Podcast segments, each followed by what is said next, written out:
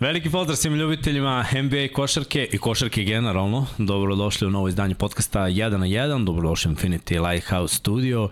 Sad vidimo ovde već da su neki u dilemi, da li je podcast, da li je basket, šta se ovo dešava, 2 na 2 ili 3x3 what the fuck is going on, man? Kako da vam kažem, ovo je jubilarno izdanje 1 na 1, zato što imamo prvo gostovanje. Imamo goste i meni je vrlo drago da, da predstavim naše momke iz uh, ekipe Krupanj, 3x3 je u pitanju. Tu su Milan Milošević i Filipa Pejaković, tako? Pejović, Pejović, Pejo, izvini. Će si spraviti. Filip Pejović. Hvala, hvala, hvala. Njihova imena vam možda ne govore dosta, ali ime njihovog tima bi trebalo da vam kaže dosta, jer ovi momci zaista šure terenima 3x3 i kada govorimo generalno o basketu, mi smo rekli da će ovaj podcast biti pretežno za promovisanje NBA košarke, za promovisanje hip-hop kulture, grafita i naravno de, to, tu je negde i taj ulični basket. Tako je, ja mislim, i započeo. Ja ću vas pitati apsolutno sve, pričat ćemo o tome kako ste se uopšte dotakli košarkaške lopte, kako ste krenuli da trenirate košarku, da volite basket, pa onda kako je jedan, kad se pojavio 3x3, mislim, meni je to bilo onako nepoznanica. U prvom trenutku nisam znao šta, kako, a evo sad je to doguralo do olimpijskog sporta i mislim, vidio sam, imam i treninge, imamo i neke slike, puštat ćemo sve i svašte. Ajde da približimo ljudima to još više. Mislim da smo košarkaške na talentovana nacija i da naši ljudi zaslužuju više da znaju o ovom sportu. Uh, tu je Vanja, naravno, preko puta mene. Da je Vanja, da, će ti čestitam, Došli. Kolega. A, kolega. Dobro, možeš, ne možeš. Ajde, ajde, ajde kažem. Ajde, ja ću da predstavim svog novog kolegu što se tiče komentarisanja NFL utakmica o sledeće godine na Areni Sport. Moj novi kolega, Vanja Milićević. Hvala, hvala. Bravo. Ima od koga da učim, da. Da, ima, imaćeš svašta da naučiš. Biće, pazi, mi, ti možeš da učiš od mene, mi možemo da učimo od njih. Napisali smo ovde 2 na 2. Ili mislim da bi 2 na 2 nas oprali ovako lagano, ali dobro. Da, dobro. Ajmo, ajmo na jedan trening da vidimo koliko smo, koliko smo loši. Treba neka vidjeti koliko si loš. Nadam se da ste dobro. Nadam se da ste spremni da dogledate ovo i naravno pre nego što krenemo bio, bilo bi skroz ok neki like, subscribe, stalno mora da ponovim ovo da 50% ljudi koji gledaju ove podcaste nisu subscribe-ovani, ja verujem da je to do kulture, ljude mrzi da kliknu. Isključite zvonce, ne treba, ne treba notifikacije ništa, ali nama dosta znači zbog sponzora, zbog svega, da ova priča još poraste, ne samo za jedan na jedan, nego generalno za Infinity Lighthouse i sve podcaste, kliknite subscribe i, i to bi bilo to. Čekirajte shop, budite Patreoni ako želite, ako ne želite, mi radimo, pa radimo i sa vama i bez vas, ali bilo bi bolje s vama. Znači nisi se toliko napucao, nego da malo manje. Ni, ja sam se napucao. Kažem juče, inače, došao je moj dragi drug Marko Bates, kog koji sutra dolazi ovde u 99 mm. yardi da odradimo jedan intervju, pa ćemo o tome i plasirati posle, kaže, nikad te nisam video sa stomačićem. A rekao, brate, to je zato što sedim i ne možda derem nešto, razumeš? U stvari, krivim koleginicu iz prodaje, ona donosi slatkiše. Pa ti možeš da kažeš ne uvek. Ne, pa ne mogu. Govorio sam ne 35 godina, sad je vreme. Da kažem, viš kako, momak koji trenira, koliko, dve kašičice šećera u kafu. I? Ništa, bre. I ništa, bre. 38. I stariji od mene. E, Nisam najstariji za stol. E, vidiš ti to. to je tek, da. to je tek. Ne, nikad ne bih rekao iskreno. Mislim pa da, su to je moje godište. Tek kad mu vidio separaciju, brate, srednjeg i zadnjeg ramena, tek tad bi skapirali, vidjet će se posle na, na sliku. Milanić, ne, action man, brate. Ne, ne, ne. Dobro, trenira se tako. Da, ajde ovako da krenemo. Uh, ja moram da vas pitam i jednog i drugog, kako ste uopšte došli uh, do košarke? kako ste se upoznali prvi put, kad ste počeli da trenirate, kako se rodila ta ljubav prema košarci. Obično za, za ljude koji se rode ovde, koji žive ovde, to se desi ono od malih nogu. A da, kao, evo, ja ću kao stariji ovaj, da, da preuzmem. Uh, baš, eto, baš kad sam klinac bio možda nekih 8-9 godina, tad naravno sve ide onaj karate, folklori razni, šta ti ja znam i ovaj i bilo je fudbal ili košarka. Ja sam i jedno i drugo ovaj trenirao, a nekako mi je lepše bilo lepše bila košarka i eto tada FMP ovaj mislim e, najbitnija priča realno u mom životu jer sam tu naučio ovaj baš dosta stvari i ljudi te drugačije gledaju kad kažeš da si prošao FMP u školu. Ovaj to je to, ne, nešto realno najbolje u Srbiji. Tako da, ovaj, to je taj neki od, odmah sam se na prvu loptu zaljubio ovaj naravno nije nije nije lako ono sve vreme sam uvek uvek sam bio najmanji uvek sam bio kako se zove najlakši što se kaže ali mislim da je ipak tu najbitnija čvrstina Da.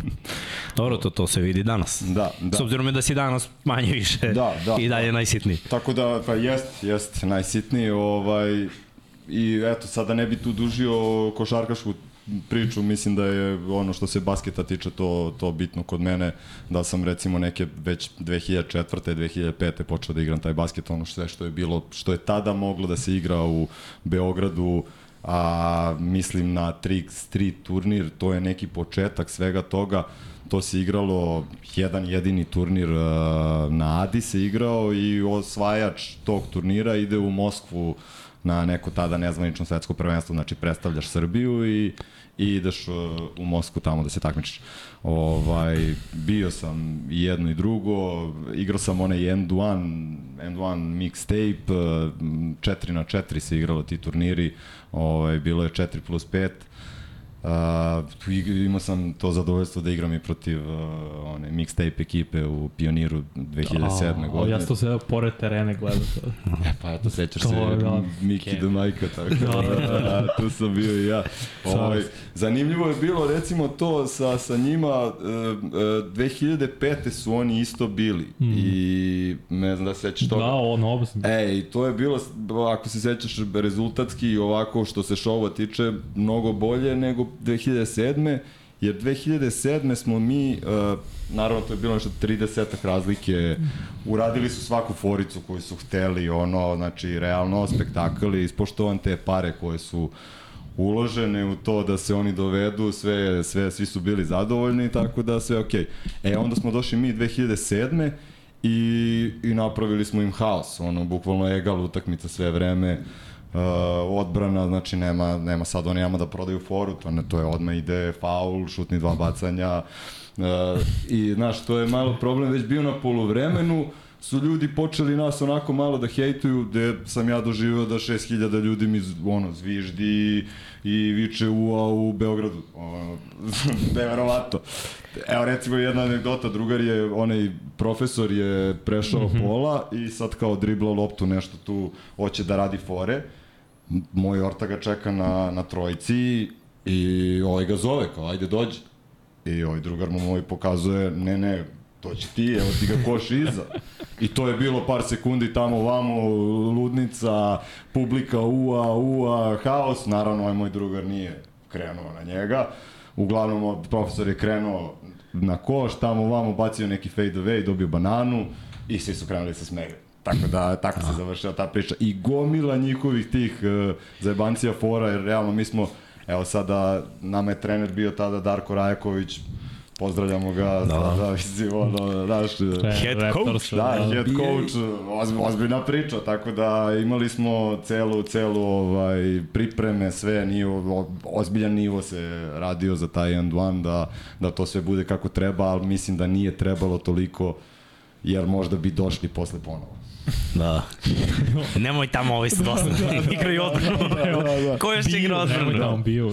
E, tako da, kako se zove, posle toga, posle tih end one-ova, e, tamo vamo, znaš, nije, nije to sad ovaj nivo 3x3-a, e, kako se zove, što se tiče novca, što se tiče e, turnira uopšte, jer nije tada je bio jedan turnir godišnji ono, mislim, šta ti igraš, ono, naravno igraš košarku i ako si tu odigraš taj turnir i, i to je to, a ovo je sad nešto totalno drugo, ja sam recimo posle tog end one-a 2010. batalio možda neki 5-6 godina kad, se, kad je to bilo u povoju, što se kaže, ovaj, Bulut i, i ekipa. I recimo tek sam se vratio negde 2016. kad je to iole počelo da liči na ovaj sport. Da. A evo sad malo Peki može pa... Da, ajde.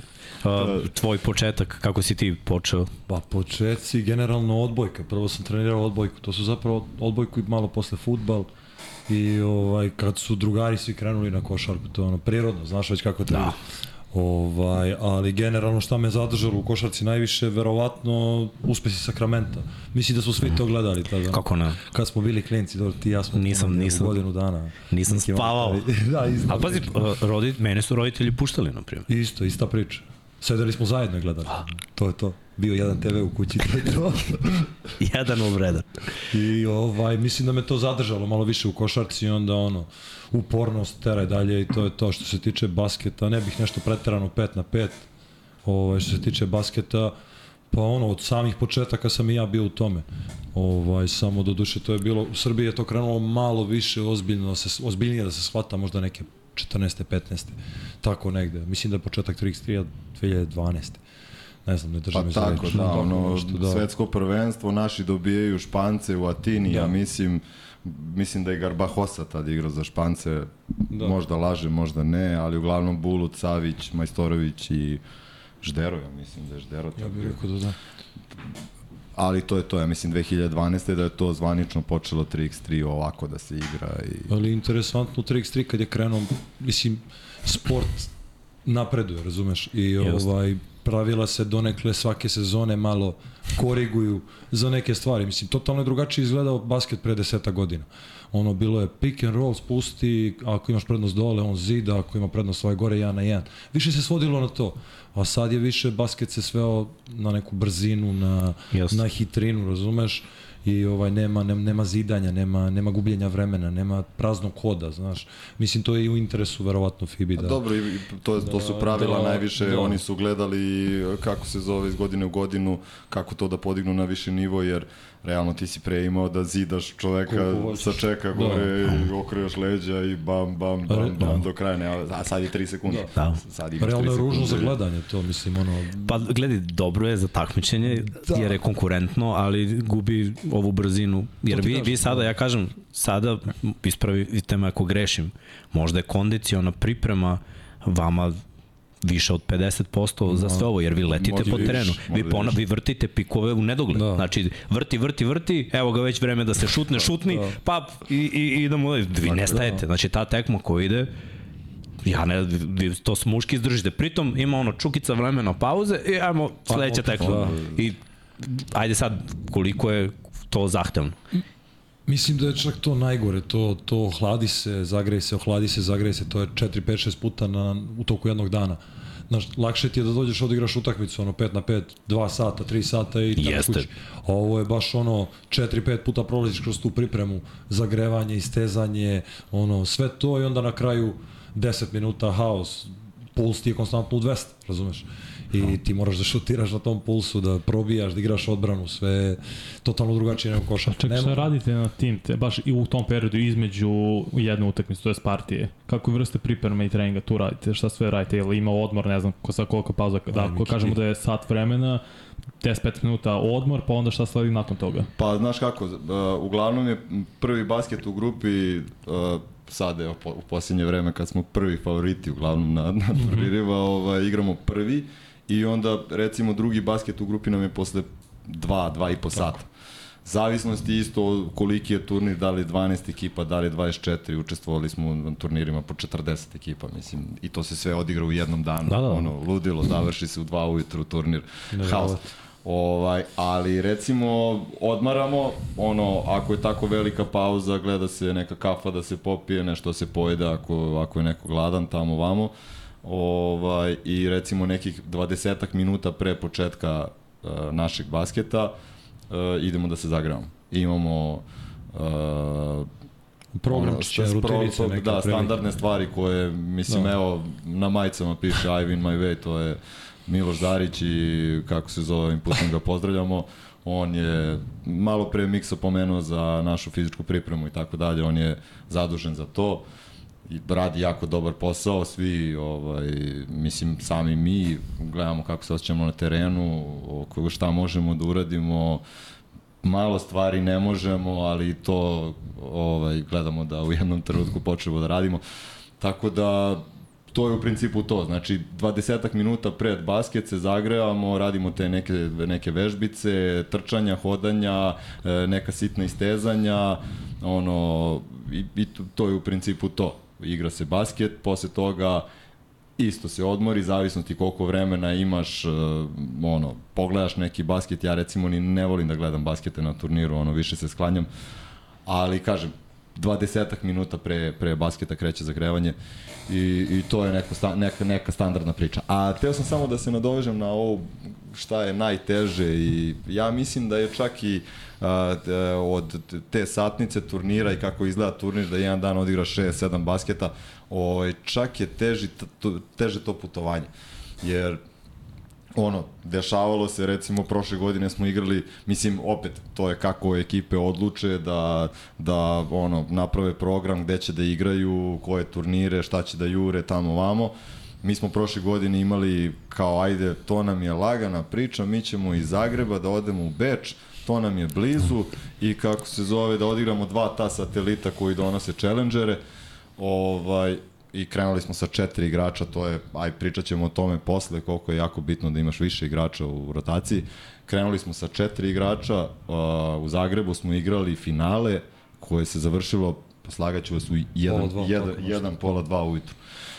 A, dok smo se sredili tamo vamo, krenuli u Beč, u Beč smo stigli u 7 ujutru, ja mislim, spavali smo u hotelu 3 sata i otišli na turnir koji je počeo u 11 i tamo smo izgubili u polufinalu, inače na, na, u Zagrebu smo izgubili u finalu, a ovamo smo izgubili u polufinalu i realno ništa nismo uradili, a ja sam bio pa sigurno kao i cela ekipa, ali ja jedno dve, tri nelje, ono, Nismo znali mrtav, za sebe. znači polu, polu povređen, ono, čovjek, ono, užas. To, to totalno razumem i znam, jer mislim, s obzirom da, evo, znaš, iz Markove priče, smo igrali zajedno, da. sirotinska priča, Da, da, da, ajmo je bus to. Istanbul, ajmo u bus Pariz, pa je Final Four, pa dve tekme u tri dana i odmah čim završi u bus, pa nazad kući, pa finale domaće lige.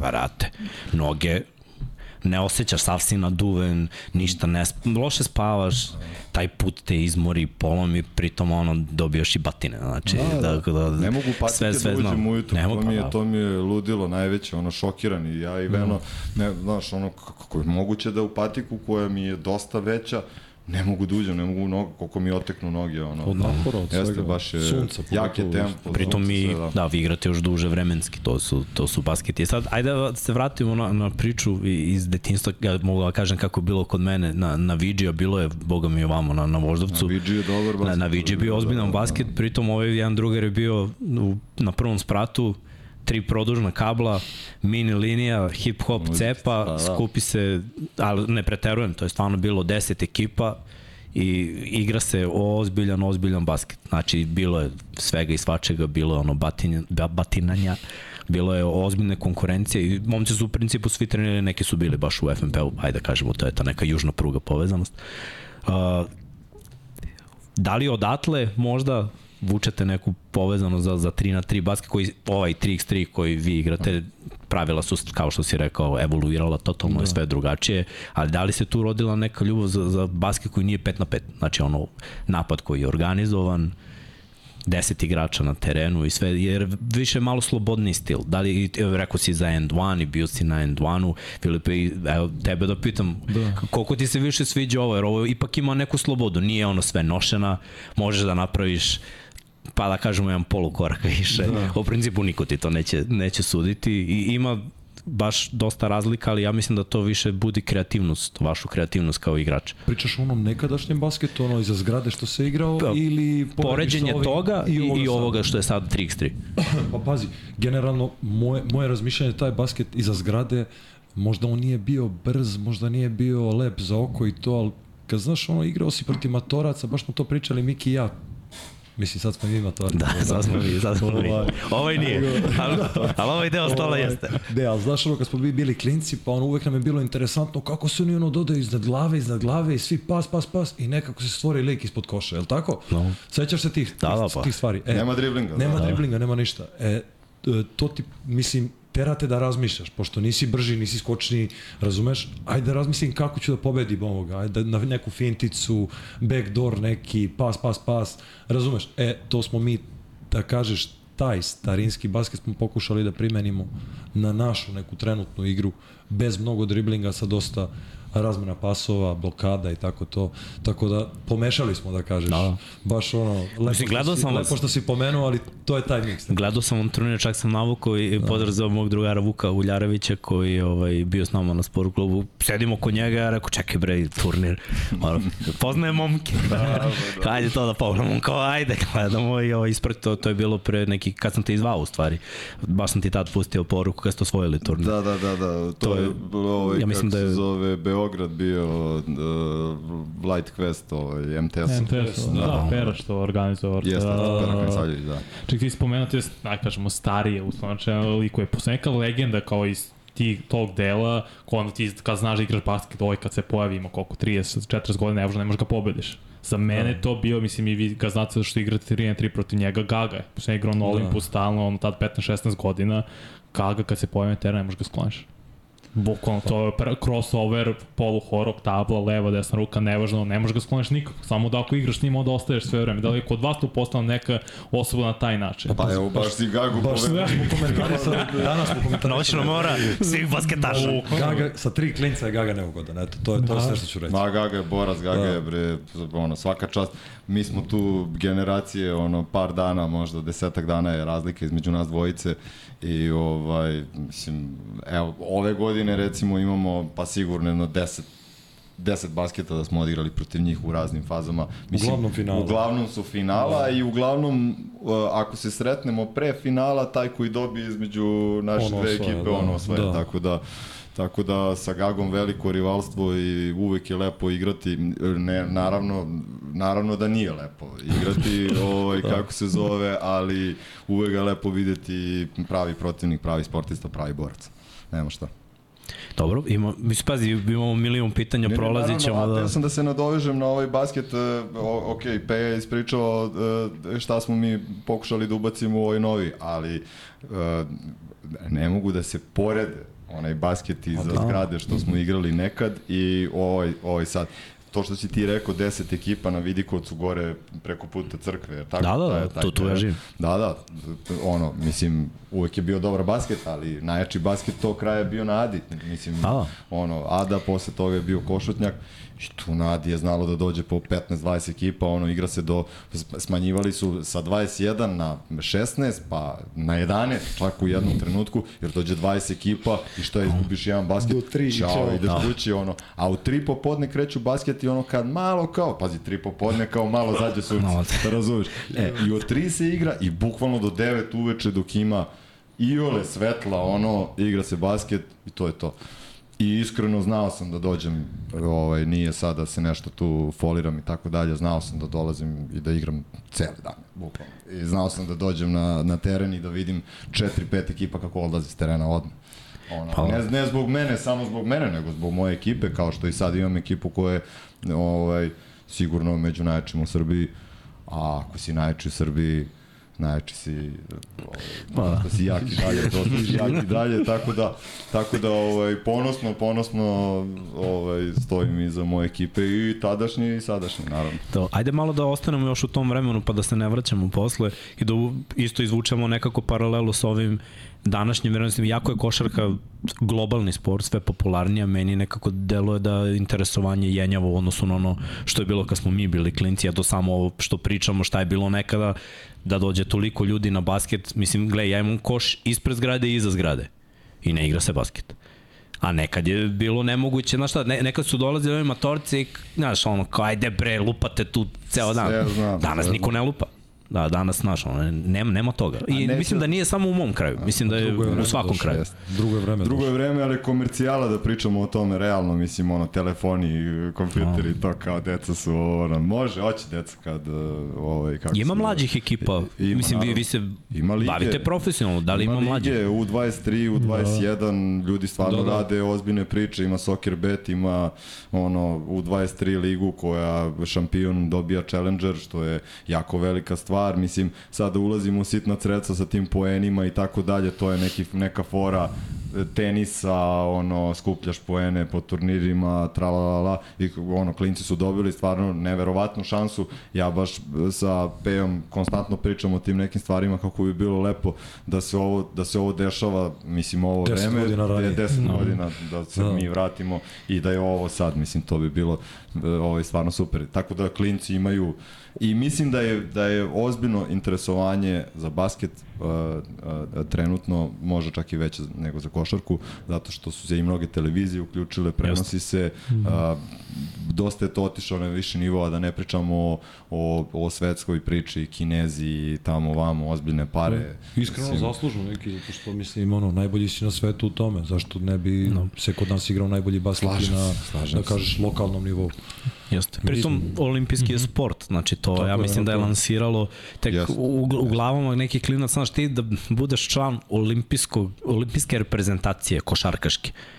Mislim, stvarno, Bog mora, nije samo da si ti Jeste. dobar i da se trudiš i sve, mora, Bog mora te pogleda i, i ono, geni moraju da ti budu, znaš, Možda vrhunski. čak i da te ne pogleda, nego da te ono Da, da, malo. tako je, ajde, ajde. Realno. Ovo si spomenuo jedan od tih uslovno rečeno klinaca, moj ortak Vlada Trajković je jedan od tih mlađih. Pa njega ne računamo, Da, ti si njega ne računamo kao klinca. On Da, je on je, ve- on je bio, ali on je prošao kroz to i on, ja sam, gde on sad igra? Mislim, on igra i u Rusiji, pa Kina, on je baš ceo sve prošao. kineska Da, da. ekipa, ono, d, d, šatro kineska ekipa, mislim. Aj sad da se ne lažemo, Da. sve su, sve su naši momci, imaju jednog Slovenca koji je opasan, ovo ostalo sve, sve naši momci, Vlada igra, Pa mislim, Vlada igra. naš momak, ovaj, kako se zove, bre, Kovačević. Pa dobro, vodi se kao Slovenac, jer čovjek se zove Milan Kovačević, mislim, ono, ali dobro, nećemo sad da ulazimo u to.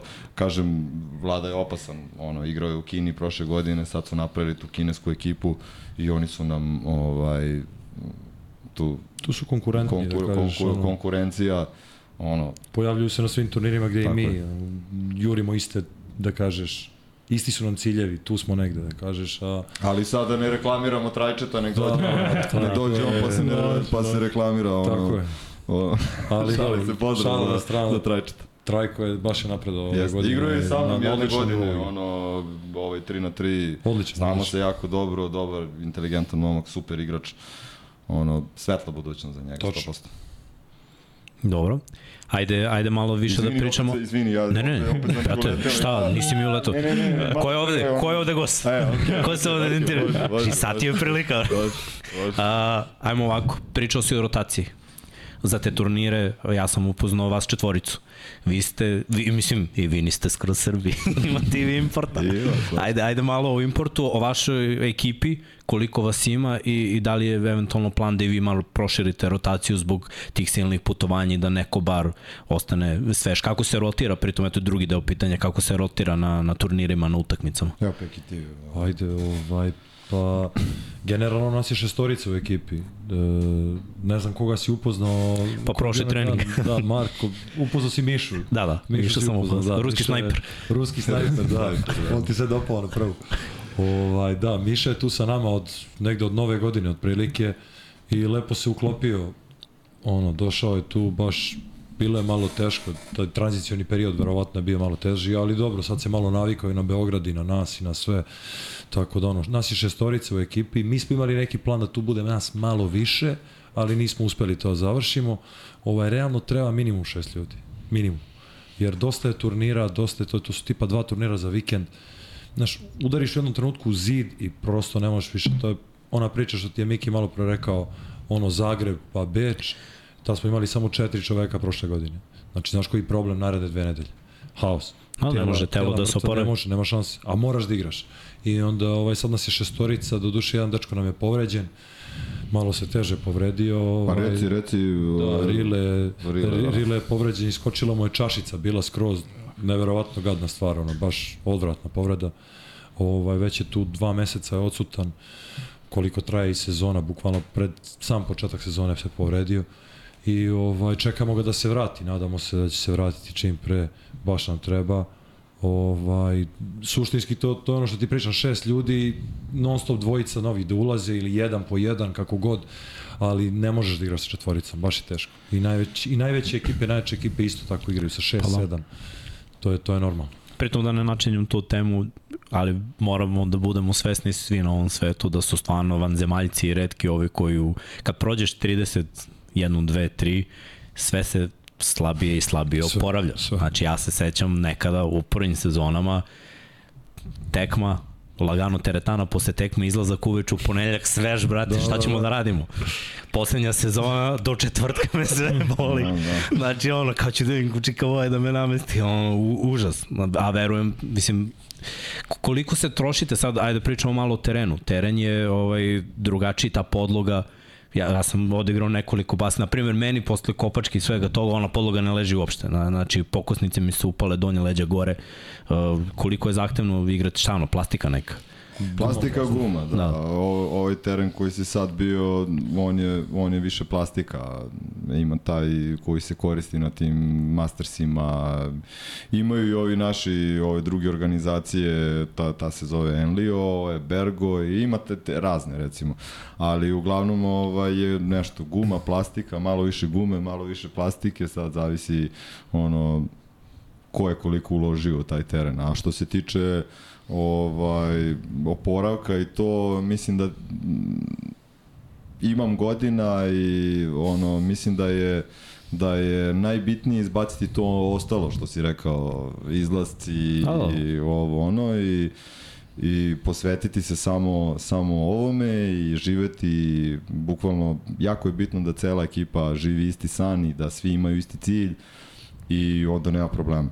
Meni nije problem da treniram dnevno 5, 6, 7 sati, ali da posle toga imam vremena da se oporavim, da odmorim za sutra. I veruj mi, evo, guram već uh, taj tempo skoro 7-8 meseci bez da mi je bilo teško da ustanem, da odem na trening, i, ali kad ustaneš i odeš na trening, otišao si na 5-6 sati treninga, Da, da. pošto vezujemo sve, jer smo svi sa različitih delova grada i onda ako bismo pravili treninge dva put dnevno, ozbiljan bi problem bio, jer treba svakom da dođe do ovaj, mesta odredišta sat, sat i po vremena i da se vrati i tako ako treba dva puta i onda smo ga mi vezali u jednom i ima ima ovaj re, rezultata zato što e, to je taj fazon turnira. Možda ako bismo mogli još da produžimo, pošto tru, turnir traje 8 do 10 sati, pa da budemo 8 do Ceo 10 dan. sati svi zajedno. Znaš, e sad, ono što sam rekao malo pre, da svi treba da živimo isti san i, i, i stvarno je tako, ako pogledaš malo da mi uh, živimo samo od nagrada. Znači, nema ti sad da dođeš na turnir i kao tu se provozaš malo, prođeš grupu, ispadneš u četvrt finalu pa si nešto zaradio i tako dalje. Ne, ovde samo ovaj, zarađuju prvi. Tako da, ako nisam osvojio turnir, ja tu nedlju nisam ništa uradio. Nisam doneo pare kući, ovaj, žena nervozna, tamo lava, znaš. Tako da, pozdrav za ženu moju Sofiju. Pozdrav. Rekao, sam je da ću da je pozdravim. Ovaj, Čekaj, večeras, tu je i tako pas, da, nije, nije. Pozdrav, tu je i pas, Pepi, Pepi, Pepi ga i njega pozdravim. Ovaj, tako da, kažem, nemamo platu od ovoga, a baš smo profesionalni. Znači, poziv za sve koji žele da ulože u ove mlade, je, tako je. perspektivne, ono, 40-godišnjake. Eto. Polako, Niki ne dolazi. Ne, Uh, I možemo one slike, na primjer, prvi folder nek ide dok mi pričamo. Da.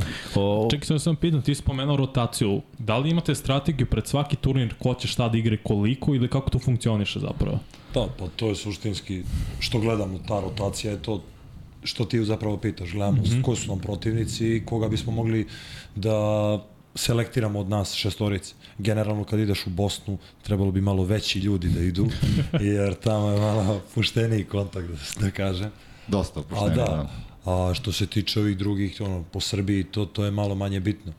Znaš, zavisi kako kreneš da igraš, pa iz godine u godinu tačno znaš gde su kakve sudije, gde je kakav kriterijum, gde je šta i onda na osnovu toga praviš selekciju ko će gde da ide. A samo četvorice mogu da igraju turnir ili... Da, da, E, to, samo četvorice, mm -hmm. naravno, ne, u slučaju neke povrede u toku turnira Naravno. ostaješ sa trojicom, a sa trojicom, mislim, jako je teško igrati. Znači, ne, oni zapravo ne dozvoljavaju da, Da. dodate jedno... toku ako- turnira ne. U toku turnira ne. Znači, Okej. krenuo si sa četvor, četvorkom i to je to. To je to. A povrediti se jedan, završaš sa tri. A možeš da imaš registrovanih šest igrača na, mm. -hmm. na, na FIBI i tako ih menjaš. Znači, od turnira bilo do koji, turnira bilo možeš da promeniš. šestorica mogu da. da uđu da igraju, razumeš? Da. Ali, To ti pričam Tako. opet za ove Challengere i Masterse. Mm Mhm. -hmm. Što se tiče ovih ostalih turnira, tipa ovi turniri po Srbiji, regularni turniri, te turniri z- sateliti koji te zapravo vode na Challengere, tu možeš da prijavljuješ i bilo koga van te šestorke koja su, koji su u tvojoj ekipi. Možeš lupan ti, a dođeš da igraš sa nama. Najnormalniji. Jasno. Mislim da je to još nije nije ovaj da, da nije. to još nisu završili Nisu- kako treba da. ovi iz FIBE. Uh, ono, mislim, neću da pričam. Verovatno ono, su to znači, sledeći neki koraci. Tako je, tako U tom nekom tako smeru Da će treba, zatvoriti da ne to možeš da na početku ti sada sezone, nastupaš za pet ekipa Tako je, tako je. Da, da, da, u toku jedne sezone, razumeš? A kako, kako je rangiranje turnira? Ti si spomenuo satelite, Challenger, Master, koji je rang, da li postoji rang od najvišeg do najnižeg? je, Kako tako se je. zapravo ti igraš za, da ideš na što jače i jače turnire? Pa treba da osvojiš satelit. Satelit je mm. -hmm. nivo iznad nekog regularnog turnira. E, to je turnir koji te vodi na Challenger. E, odatle ideš znači, na Challenger, treba, možeš da dođeš preko satelita ili preko apliciranja, to jest alokacije. Tražiš od FIBE da dobiješ, pa oni imaju neka, neka pravila kako ekipe to dobijaju. Na osnovu Pa, teško rankinga, da opet, može da jako, dobiš. jako teško Pogotovo si objasniti. srpska ekipa, Da. ono, zato što Tako- te alokacije, Da, ništa, ništa, sve cool. zato što alokacije te mogu da, recimo, alociraju dve ekipe iz jedne zemlje. A s obzirom da mi uvek imamo po 5-6 ono ekipa, Da. i, to, i to recimo da, da moraš da budeš u 20 Da. ekipa sveta. Mhm. -hmm. A mi smo uvek imali po 3, 4, 5 ekipa koji su u 20 na svetu. Srpski. I onda ti ako se pojaviš kao šesta srpska ekipa, važi što ćeš moći da alociraš, nema šanse. Mislim, ono, jer već su svi Da. alocirali. Ono, tako da ti čekaj. E, izvini, Ništa, ništa, da. generalno, znači kažem ideš preko tih satelita, dolaziš na Challengere, sa Challengera prva tri, to su od ove, od ove godine promenili. Ranije je bilo finalisti dobiju Masters, a sada je uh, finalisti i treći dobiju Masters. Znači ti, ako si među prva tri na Challengeru, dobijaš Masters i ideš na Masters kojih ima nekih 15-16 u toku jednog leta otprilike. Koliko u regionu ima Challenger? Challengera ima Beograd, Challenger 12. i 13. avgust i mm -hmm. ima Novi Sad 15. i 16. To smo sad baš izborili prošli vikend u Vrnjačkoj banji. 15. i 16. Novi Sad, tako da ono, gledajte nas. Da, bit ćemo u Novom Sadu. Bićemo u Novom Sadu, da. Vrh, vrh. Uh, dobro, ajde, ajde još da, da, da pričamo o tome, o, o turnirima, o ambicijama. Uh, znači, jeste olimpijski sport, jeste pod pokroviteljstvom FIBA, ali realno gledano i dalje tu ima mnogo prostora za napredak.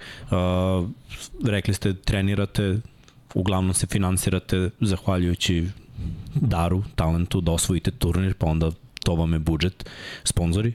Mm, Generalno, ajde, Evo ja ću, ajde, evo ja ću, ovaj, imamo d- naravno Krupanj, e, m, košarkaški klub Krupanj, e, koji nam pomaže već drugu godinu, to je što se tiče turnira, znači putovanja, kotizacije, klopa, ono sve što treba za da se ode na turnir i da se vrati sa Smeštaj, njega. Smešta i Pa, to, da, da, naravno. Ovaj, to je što se tiče Krupnja, oni nam, kažem, pomažu, imamo Ivan My Way, uh, fizička priprema i imamo Mijata, brata tamo u Slodes hali, on nam, on nam izlazi u susret, mislim, kad ste Neviđeno, znali da. koliko košta sportska hala da se iznajmi sat vremena, ne biste verovali. Mislim, Da. no. ono, to je, to je nerad, pogotovo jer smo mi ekipa četiri čoveka do šest, ono, baš je mnogo, ono, nama treba jedan koš, ti ne možeš da iznajmiš jedan koš, nego iznajmiš celu halu. Ovaj, I tako da onda nam Mijat stvarno dosta pomaže i sa njegovim, on inače radi kao trener i tamo u Slodesu i dosta nam pomaže još sa nekim stvarima ovako vezanih za igru, vezano za, za šut. Tako da eto, to je što se tiče sponzora, bilo bi to super kad bi bilo malo više i kad bi, ovaj, mislim, opet i, e, u Srbiji ima nekoliko profesionalnih ekipa, to su uh, Liman, UB, Partizan, hajde da kažemo i taj Hangzhou, ali mislim, te pare sve, to je taj novac, uh, ok, Partizan, Partizan je Partizan, ali ovo je sve neki kineski novac koji, koji je tu ušao, to sam malo pre rekao, ono, na svetskom nivou, To je Kinez, zaslužen. i zasluženo sve, sve, ovaj, Oni su najbolji, nema tu greške. Da.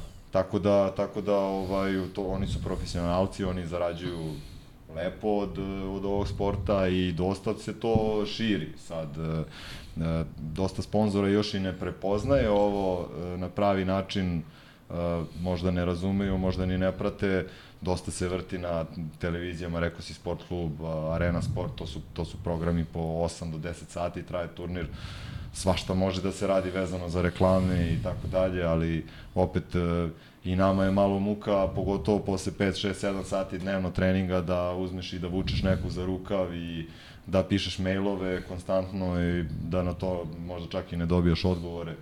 Ali opet, ko smo mi, ono, mi se tu borimo, plovimo po mulju ovom u Srbiji, volili bi da, da, da makar malo preskočimo više taj mulj i da recimo Gagu srećemo manje, ono, ne 10 puta u dva meseca, ali, ali eto, ono, kažem, nadam se da ćemo imati sreće sad sa ovim challengerima da, da pokušamo da uđemo u, u 20 na svetu i da se tu malo, da budemo mirni. Ono što se tiče tih challengera, da da eto, igramo nešto i da ne moramo da što se kaže ono krv, krv da, slobodno reci podcast da, je da, slobodna da, forma. da, da, propišemo krv. To, da uh, ej, zato smo i mi tu za, zato sam vas i pozvao zato što zaslužujete pažnju i zaslužujete da ovaj, dobijete neko sponzorstvo i da ceo taj put bude malo lakše. Mislim, ja se sećam isto igranja za džabe i koliko je to bilo da nemaš teren i po livadama i makljanje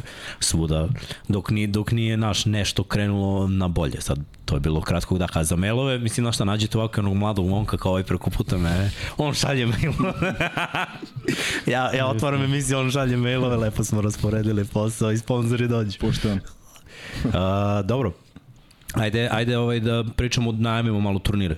Uh, sad smo pomenuli taj Novi Sad, to je 15. i 16. To je vikend, ne sad ovaj, nego sledeći. Ali da pričamo malo šta, šta koje su uh, sledeće planovi, uh, utakmice, koji su planovi, da najavimo to i eto, pozovemo ljude da dođu, da pozovemo i sponzore, da se aktiviraju malo, vidite momke, da, nas, da vas ne vuku oni za rukav, nego samo inicijativno priđete, sklopi se dogovor i sve ovo bude nekako lepše. Super.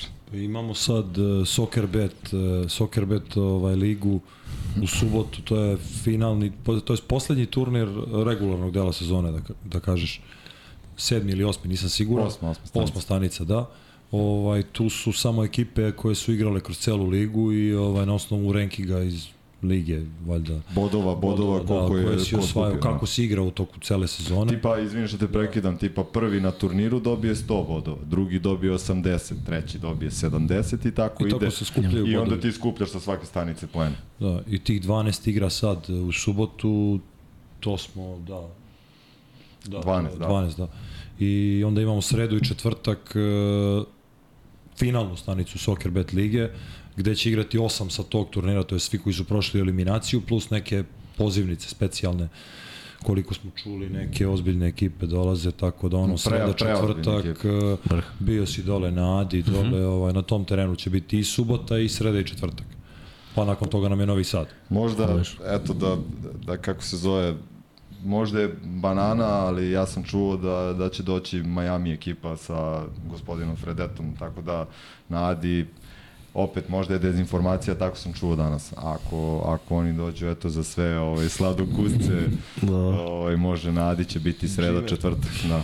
Vrh, vrh pa to. Može se po, pogleda taj šut. Otkazujte tamo te.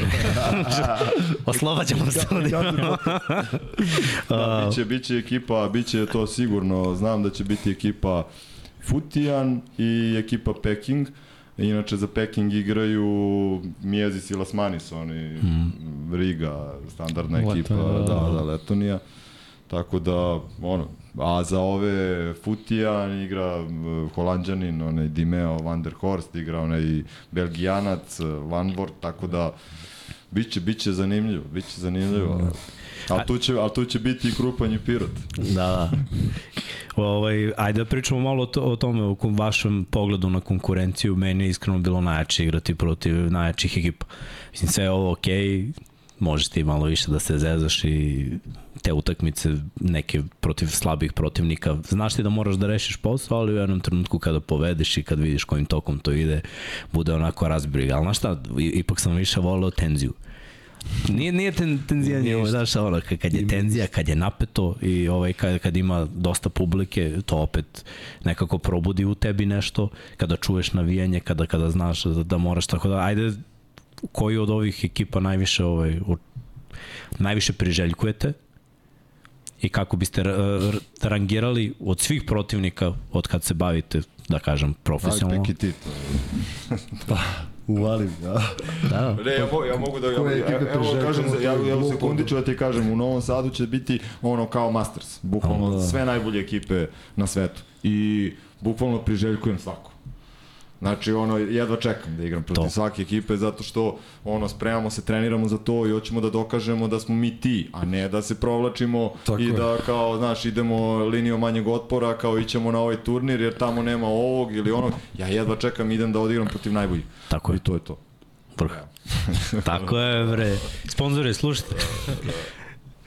Dobro, to, to, Ma je ista priča, pa to je to, ista priča. Ono, što mi je jači protivnik u grupi, to je meni draže da igram tu grupu. Barem tako razmišljam, zato što ono, e, draže mi je da pobedim dva basketa u grupi sa po jedan razlike nego da pobedim dva, dva sa po 7-8. Jer znam da sam spremniji za četvrt finale nakon dva jaka basketa. no, To je moje neko razmišljanje. Tako da ono, mislim, lepo je ponekad kad ti je slab neki rival u grupi, pa možeš da iskuliraš, malo da odmoriš, ali generalno bolje igraš eliminaciju ako ti je jače bilo u grupi. Sigurno, sigurno. no. Kako ste se vi kao tim oformili? Mislim, to nismo do sad Nismo, pitali, da. da. kako ste vi sklopili i kad se to zapravo desilo. Rekao ste si- krupanje od pre dve godine. S različitih strana Da, grada. Da. Igrali smo u nekom drugom sastavu, da, smo igrali, igrali smo u drugom godine. sastavu, da.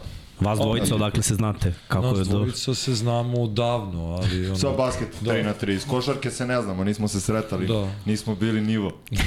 da. E sad ostavit ćemo da mislite ko je bio veći, ko, ko manji nivo, ali dobro. Ovaj, da, upoznali smo, to jest, krenuli smo da igramo zajedno, Miki i ja već pre, pre tri, tri, treća godina. Treća godina, zajedno, da, treća godina. Ovaj, ali ovu, ovu ekipu smo sklopili negde u oktobru otprilike. Prošle godine, da. Da, prošle godine i krenuli smo treniramo tada u ovom sastavu. Onda Isto se- smo se zvali i Krupanji da. prošle godine, imali smo dva o, momka koji su igrali sa nama, sa njima smo bili prvaci Srbije godinu dana pre toga, zvali smo se Ralja. Ali to je u suštinski ista ekipa Da, bila. da. Da. I onda smo sa njima završili u oktobru. Ovaj, malo smo se tu razišli što se tiče pogleda nekih na basket tamo vamo. Oni su nastavili dalje, mi svojim putem.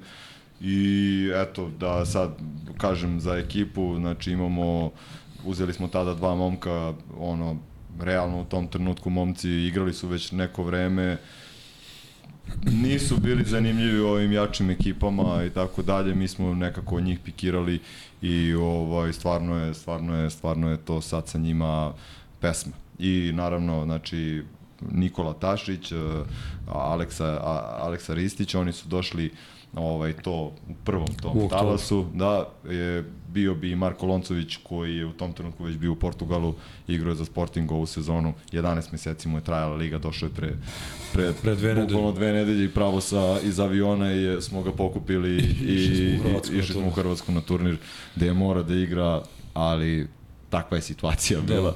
Ovaj pošto imamo i Mišu Verškova, inače internacionalca iz Rusije, ovaj, koji ne može da ide u Hrvatsku. tako da, ovaj, to je problem bio, zato je, zato je Loncu morao tako da, da, da, da, da ide ovaj, navrat na nos.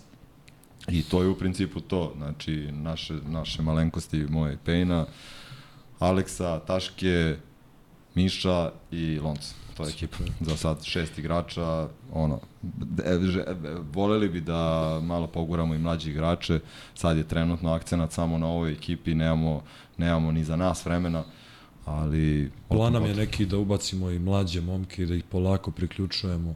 Vrh. Ono iz nedelje u nedelju da ih priključujemo da bi za, da bi za nekih 2-3 meseca neki od tih mladih momaka od 20, 21, 2 godine mogao da dođe i da odigra neki turnir za nas.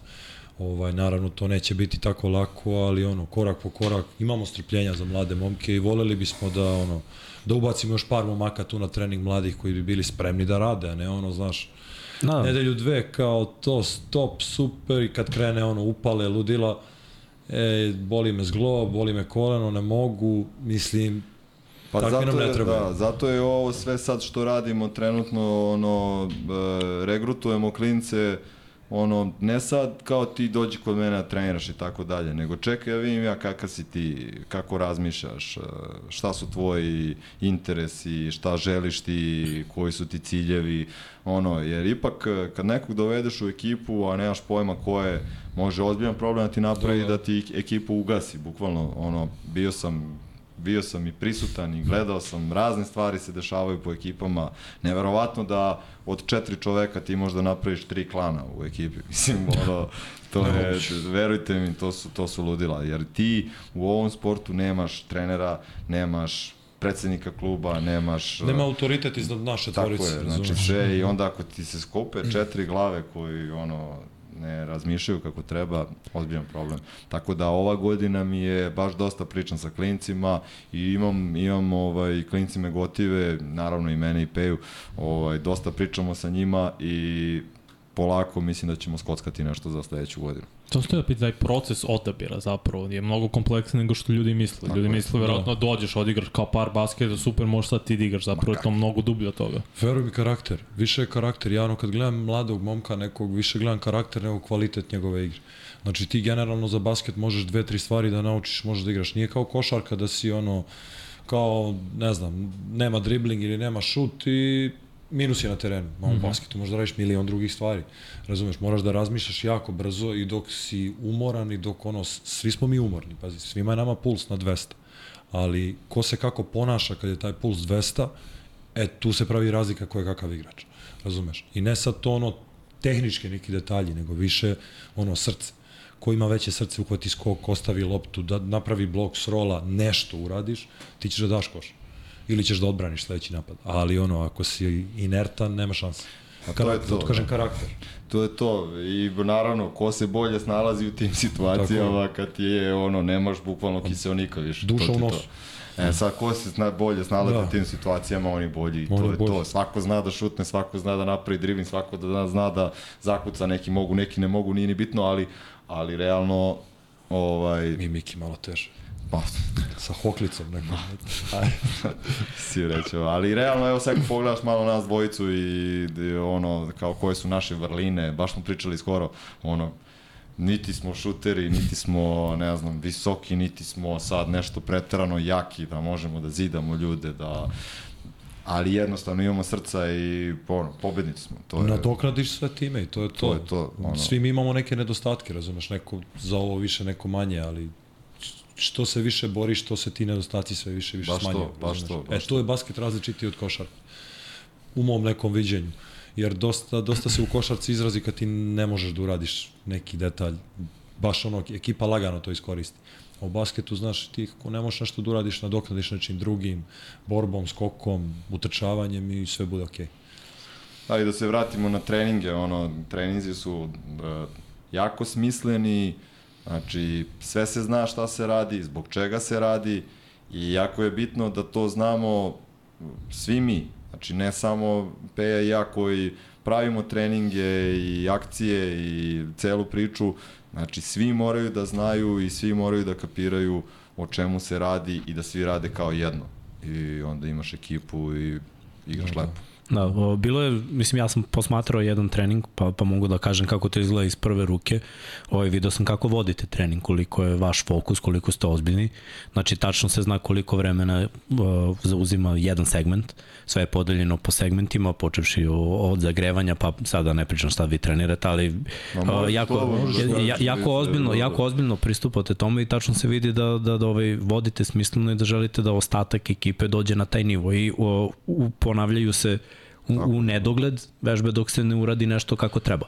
Znači, ako nešto nije određeno, dribling, okretanje, bilo, bila je situacija sa, da, sa da. pogrešnim okretanjem, rotacijom na kontrastranu, bilo je ok, ajde da stanemo, analiziramo ovo, usporimo, prođemo jednom, prođemo drugi put, ajmo treći put, ok, sad je dobro, ajmo sada da uključimo još jedno dodavanje, ajde da zavrtimo još jednom, ok, sad je kako treba i ok, Znaš, sad da. imamo već određeni broj uh, koševa koje moramo da postignemo da bi se promenio segment. Je tako? Tako, tako, tako. Suštinski 21 da. Je, 21, ono. svaka nam je još do 21. Tako je. Da, jer ono, da ti ostaje u glavi, razumeš, 21, 21, 21. Mnogo nam je to pomoglo. To kad smo okrenuli, mislim da nam je ono, to promenilo dosta viđenje na, na basket. Jer svaki, sve što radiš teraš do 21. I sad Non stop ti je cilj 21 u glavi, Znaš, u glavi ti je 21 u glavi. 21. Juriš to, taj broj. Tako je. Razumeš, tako da ono. Pametno, pametno, Danas da, su, nam znači, bili, ta psiha. danas su nam bili crnogorci, jedna ekipa, pozdravljamo ih momci iz bara. Danas su, da, da, danas su bili oni kao sparingujemo i kao, ja pitam dokle ćemo ono, uglavnom je da 21 ili 16. Kaže ovaj, hoćemo do 15.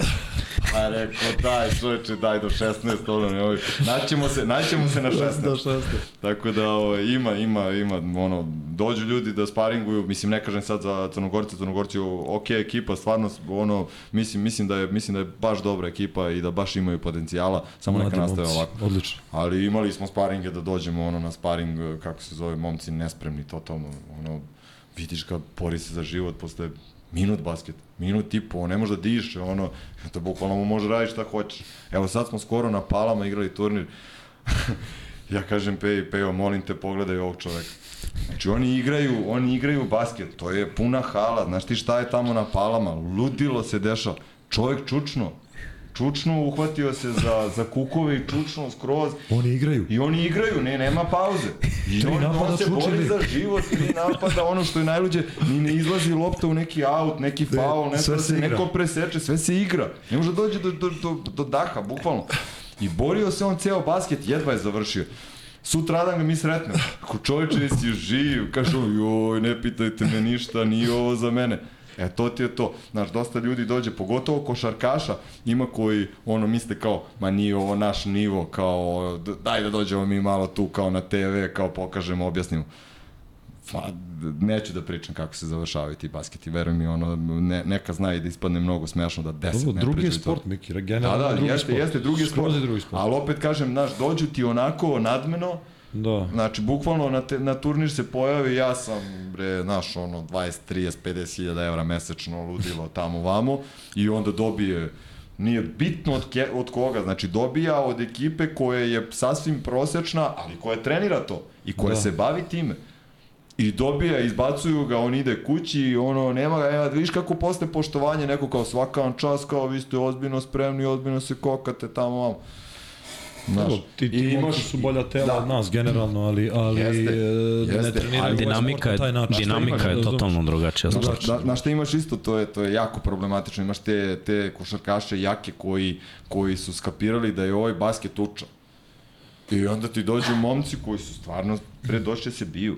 Znači, ne da igraju čvrsto i to, nego ono bre sve vreme na zipa sa pesnicama, znaš, i to je ono što je Peja rekao, Bosna, znaš, ono, Bosni je ludilo, verujte mi, ono, mi smo rekli, mi smo rekli da ćemo izbegavati Bosnu, pogotovo te neke turnire koji nisu sateliti i tako dalje. Ljudi, verujte mi, ja ono, samo u Bosni može da se doživi da čovjek, sudija, priča na telefon ili je Da, pivo sa strane, da, verovao, ono kao, kao, ma video sam kao, ma video sam, ali veze, vidiš. kao, pusti, razumiješ. Peja. A, d- krećem na, na ulaz, neću da pominjem koje, koje je mesto bilo, nije ni bitno. Krećem na ulaz i ono, probijam i lik me vuče za majicu i puca majica, gotovo. I lik, ono, ispod koša, sudija. Ja ga gledam, rekao, čoveče, pukla mi majica i on kao uzima pivo iza koša. Kao nisam kao video, stavljao sam pivo vam dole iza koša. Ja ovako šokiran, okrećem se, a drugi lik od ozgova, drugi sudija dotrčava, priča na telefon. Kao, bio je faul, kao, nego nisam mogao da dunem, priča sam na telefon. Ludilo, ma ludilo, to da, da. Mislim, dobro, nije to- tako svuda, ne, naravno. Nije svuda, to je, naravno. Imaš te, Kaže, znaš, ima Da. tih nekih turnira koji su ono, bukvalno, ljudi organizuju, ne znam kako ti objasnim, ne, ni, nije Pa to su vašari više, znaš, Više, to je, da. to je Brate. tamo, to je tamo po Bosni, ima svaki dan oni, turnir. Ali oni do, doživljaj tamo. Jeste, jeste, znaš, to ti je kao, ja gledam isto moje selo tamo na Kosmaju i, i uopšte sela, znaš, tamo ti je, tamo ti je e, futbalska utakmica opštinske lige, ono, Pa događaj godine. ozbiljna stvar, razumeš, i svake nedelje se tu skupi gomila ljudi i oni sad, da, gomila je došla tu naravno da proziva sudije, da psuje tamo vamo, razumeš, drugi su došli da prozivaju njihove iz sela i, e, ovo je sli, jako slično tim turnirima po Bosni, ono, realno, oni svaki dan drugo mesto ima turnir, ali bukvalno svaki dan, znači nije ono sad Da, subota, utorak, nedelja, četvrtak. nego ponedeljak, utorak, sreda, četvrtak, Da. ideš iz jednog mesta u drugo mesto i to su ti ono, pljeskavice, ludilo, kao da si prošao kroz sutomore, ono, ono, taj deo oko terena, veruj mi, ono, imaš i one, one, ona vuna, Šećerna vuna. šećerna vuna, sve, razumeš, sladoled i gluposti, deca trče oko terena, ono ti gledaš, o, bre, da. ozbiljni dueli, bre, ispadaju, bre, po trojica, ono, ispod koša, razumeš, izlete ko da ih izbacio neko, ono, e, ta, tu ti se deca igraju, ono, pa, znaš, kad letiš, onda gledaš da ne padneš na neko dete, izbegavaš. Desilo mi se, ne, prošle, pretprošle godine sam, ono, bukvalno izleteo u treći red kafića i bukvalno do nogu Dodika. E, sve sam očekivao ovo, ne. A, a čovjek me pogleda ovako i kaže, a bio ovi, a? Ma, rekao ja, i vratim se na teren. Što se kaže, može sponzorstvo neko. Ja, inače u Aleksandrucu, u, Aleksa, u Aleksandrucu je bio turnir, ono, veruj mi, tri puta sam ispeo, ispao na slično mesto tu, od, ono, i nije, nisam dobio faul, čak šta više, ono, mogu sam i tehničku da dobijem, to sam se bunio za to. Da. Tako da... Nemoguće da nisi dobio. Uh, ne mogu da se dobio sam tehničku, verovatno, da. Da, da, teško je da Čovjek, neću dobiti. čovjek je ono, nezaustavljiv. Pola, pola kad čovjek, pola tehnička, da. Znači, nezaustavljiv kad treba. Dobro, mislim, gledao sam turnire pa znam. A ovako inače baš mirano Da, mirano, šaljuđija. ne bih rekao. Ajde pričamo malo o toj fizičkoj pripremi vašoj. Uh, rekli smo šta radite na terenu, kako je koncepiran trening na terenu, ali ovaj, videli smo i slike uh, teretana, Da. isto jako važan deo te fizičke pripreme, znači ne samo kondicija, mislim, da dođu ljudi da vas vide na treningu, svi ste isečeni, baš to ozbiljne sajle, vidi se da oni tegovi nisu strani. Uh, kako je koncepiran trening u teretani? Rekli ste ko vam ovde trening, možete da ponovite ponovo. Za, to je zadržan Miloš Zarić, I win my way, teretana. Mislim, on je ono, kontaktirao nas je čovek, e, neviđeno nam je pomogao. Ma da, gospodin čovjek. Mi smo nešto planirali ovog tipa da radimo, ali to ne bi bilo ni blizu ovoga. Izvini, da te prekinem. Inače, Ajde. priča je bila sa, sa Batezom, Sa Markom, da. po, pošto je... E, e, nismo imali ovu varijantu, ovo je jako skupa varijanta Da. i sve. Ovaj, e, najjednostavnija priča je bila da mi uplatimo fit paseve i da krenemo ovako naš četvorica sa nekim programom. I Bat, Batez je napravio program, sve ono, nema šta, ali je to za mene onda postao još veći. hieroglifi bili. Da, da, mislim, ja, ja, Mislim, znam, mi smo imali od programe, Razumeš. trenirali smo zajedno sa, Da, za reprezentaciju kad smo se spremali, da.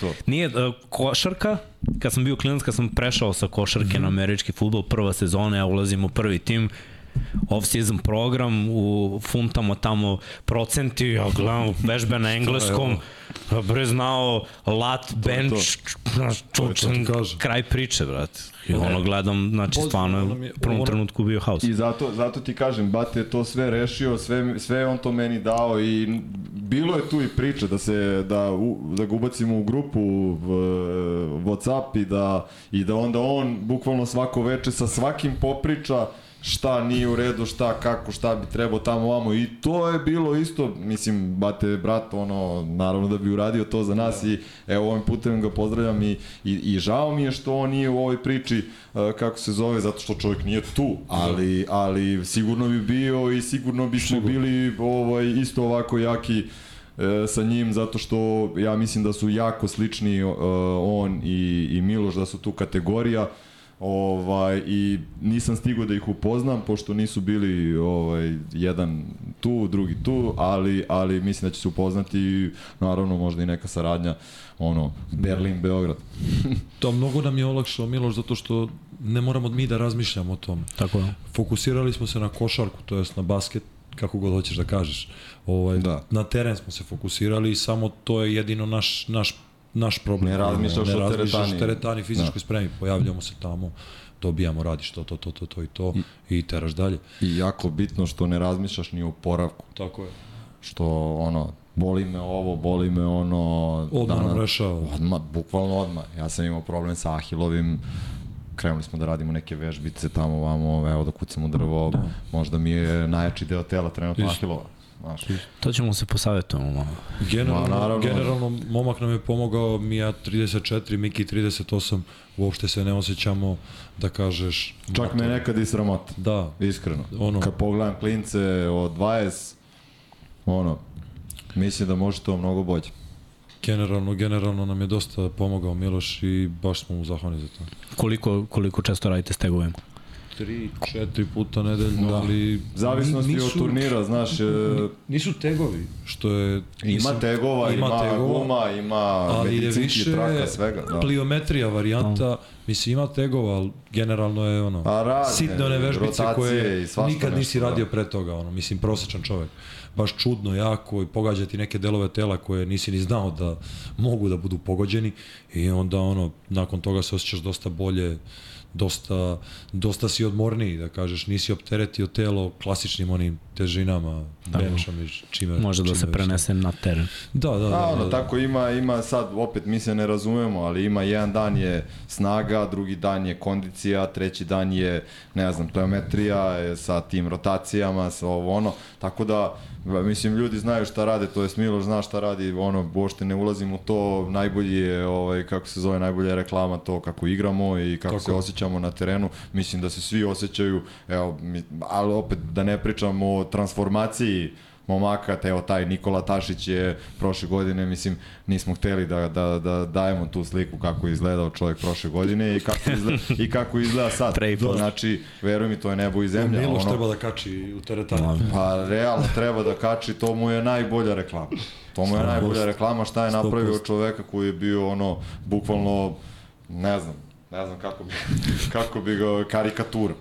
Bukvalno karikatura na što je to, na što je to ličilo, a sad je dečko ono, ozbiljna kocka. Ono. Da, I, Prejak i, je, izdržljiv i, što, i čvrst. po, pored toga što je počeo bre i da se kreće bre lepo, prati ljude gore, igra odbranu koji ja, ono, ide za čovekom, ono što je jako teško oko blokova, tako da nema šta, Miloš, Miloš stvarno super posao radi, nadam se da će se, da će se ovaj, kako se zove to i nastaviti, Nara, mislim, 100% sam ubeđen da hoće, jer, jer njega ja mislim da, da ova priča loži više, više nego nas. Mislim, ako ne više, sigurno isto, a nas da. baš loži. Da. To je to, da- tamo poruka za, za sve momke koji Tako. hoće da se bave sportom. Kontaktirajte, nađite, nemojte da budete ko bate sija kamenjari. Si, sigurno, da, da. da. Smo mi. Ovo, inače, inače, Miloš ovaj, ne trenira samo nas, on trenira gomilu košarkaša u, ono, u sezoni, u off-seasonu, ono, Da, da, profi košarkaši, profi Euroliga nivo i tako da, to. da, ozbiljan nivo, znači nije sad da je on sad sa nama, ali je njemu bila želja da ima klub kao klub košarkaški, ali je to malo skapirao 3x3, da da. je, da je science fiction, pa daj, ovaj, daj 3x3. Tako da, super saradnja, opet kažem, my win, my way, ono, ubismo se od pominjanja, ono, od reklamiranja, kapiram da to njemu nije ni toliko potrebno, ali mislim da mu je ovo potrebno, da malo ispričamo. Ne može ovako. da škodi. Da, ne može da škodi, da. To je ono komšiluku rekao dole u. Takovskoj.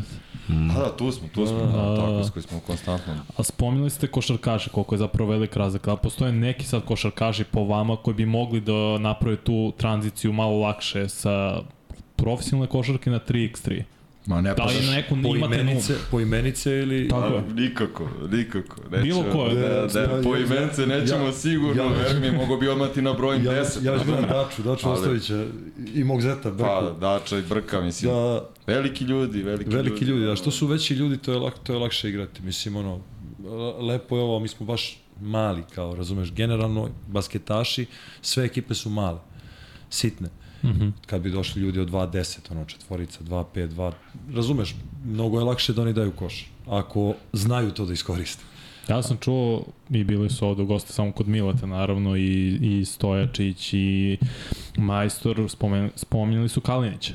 Kao Da, neko ko oko dva metra kida u odbrani, ja kao crna zemlja. Da, Da, da. Za, u tom nekom smeru, ne morate da kažete naravno imena, samo verujem da ima nekih izbora kao Kalinić koji bi mogli napraviti tu tranziciju. Da ti pričaš ono najviši nivo. Tako je, da, da. Najviši nivo, da, ima je pa verovatno bi Jokić najbolji bio da dođe.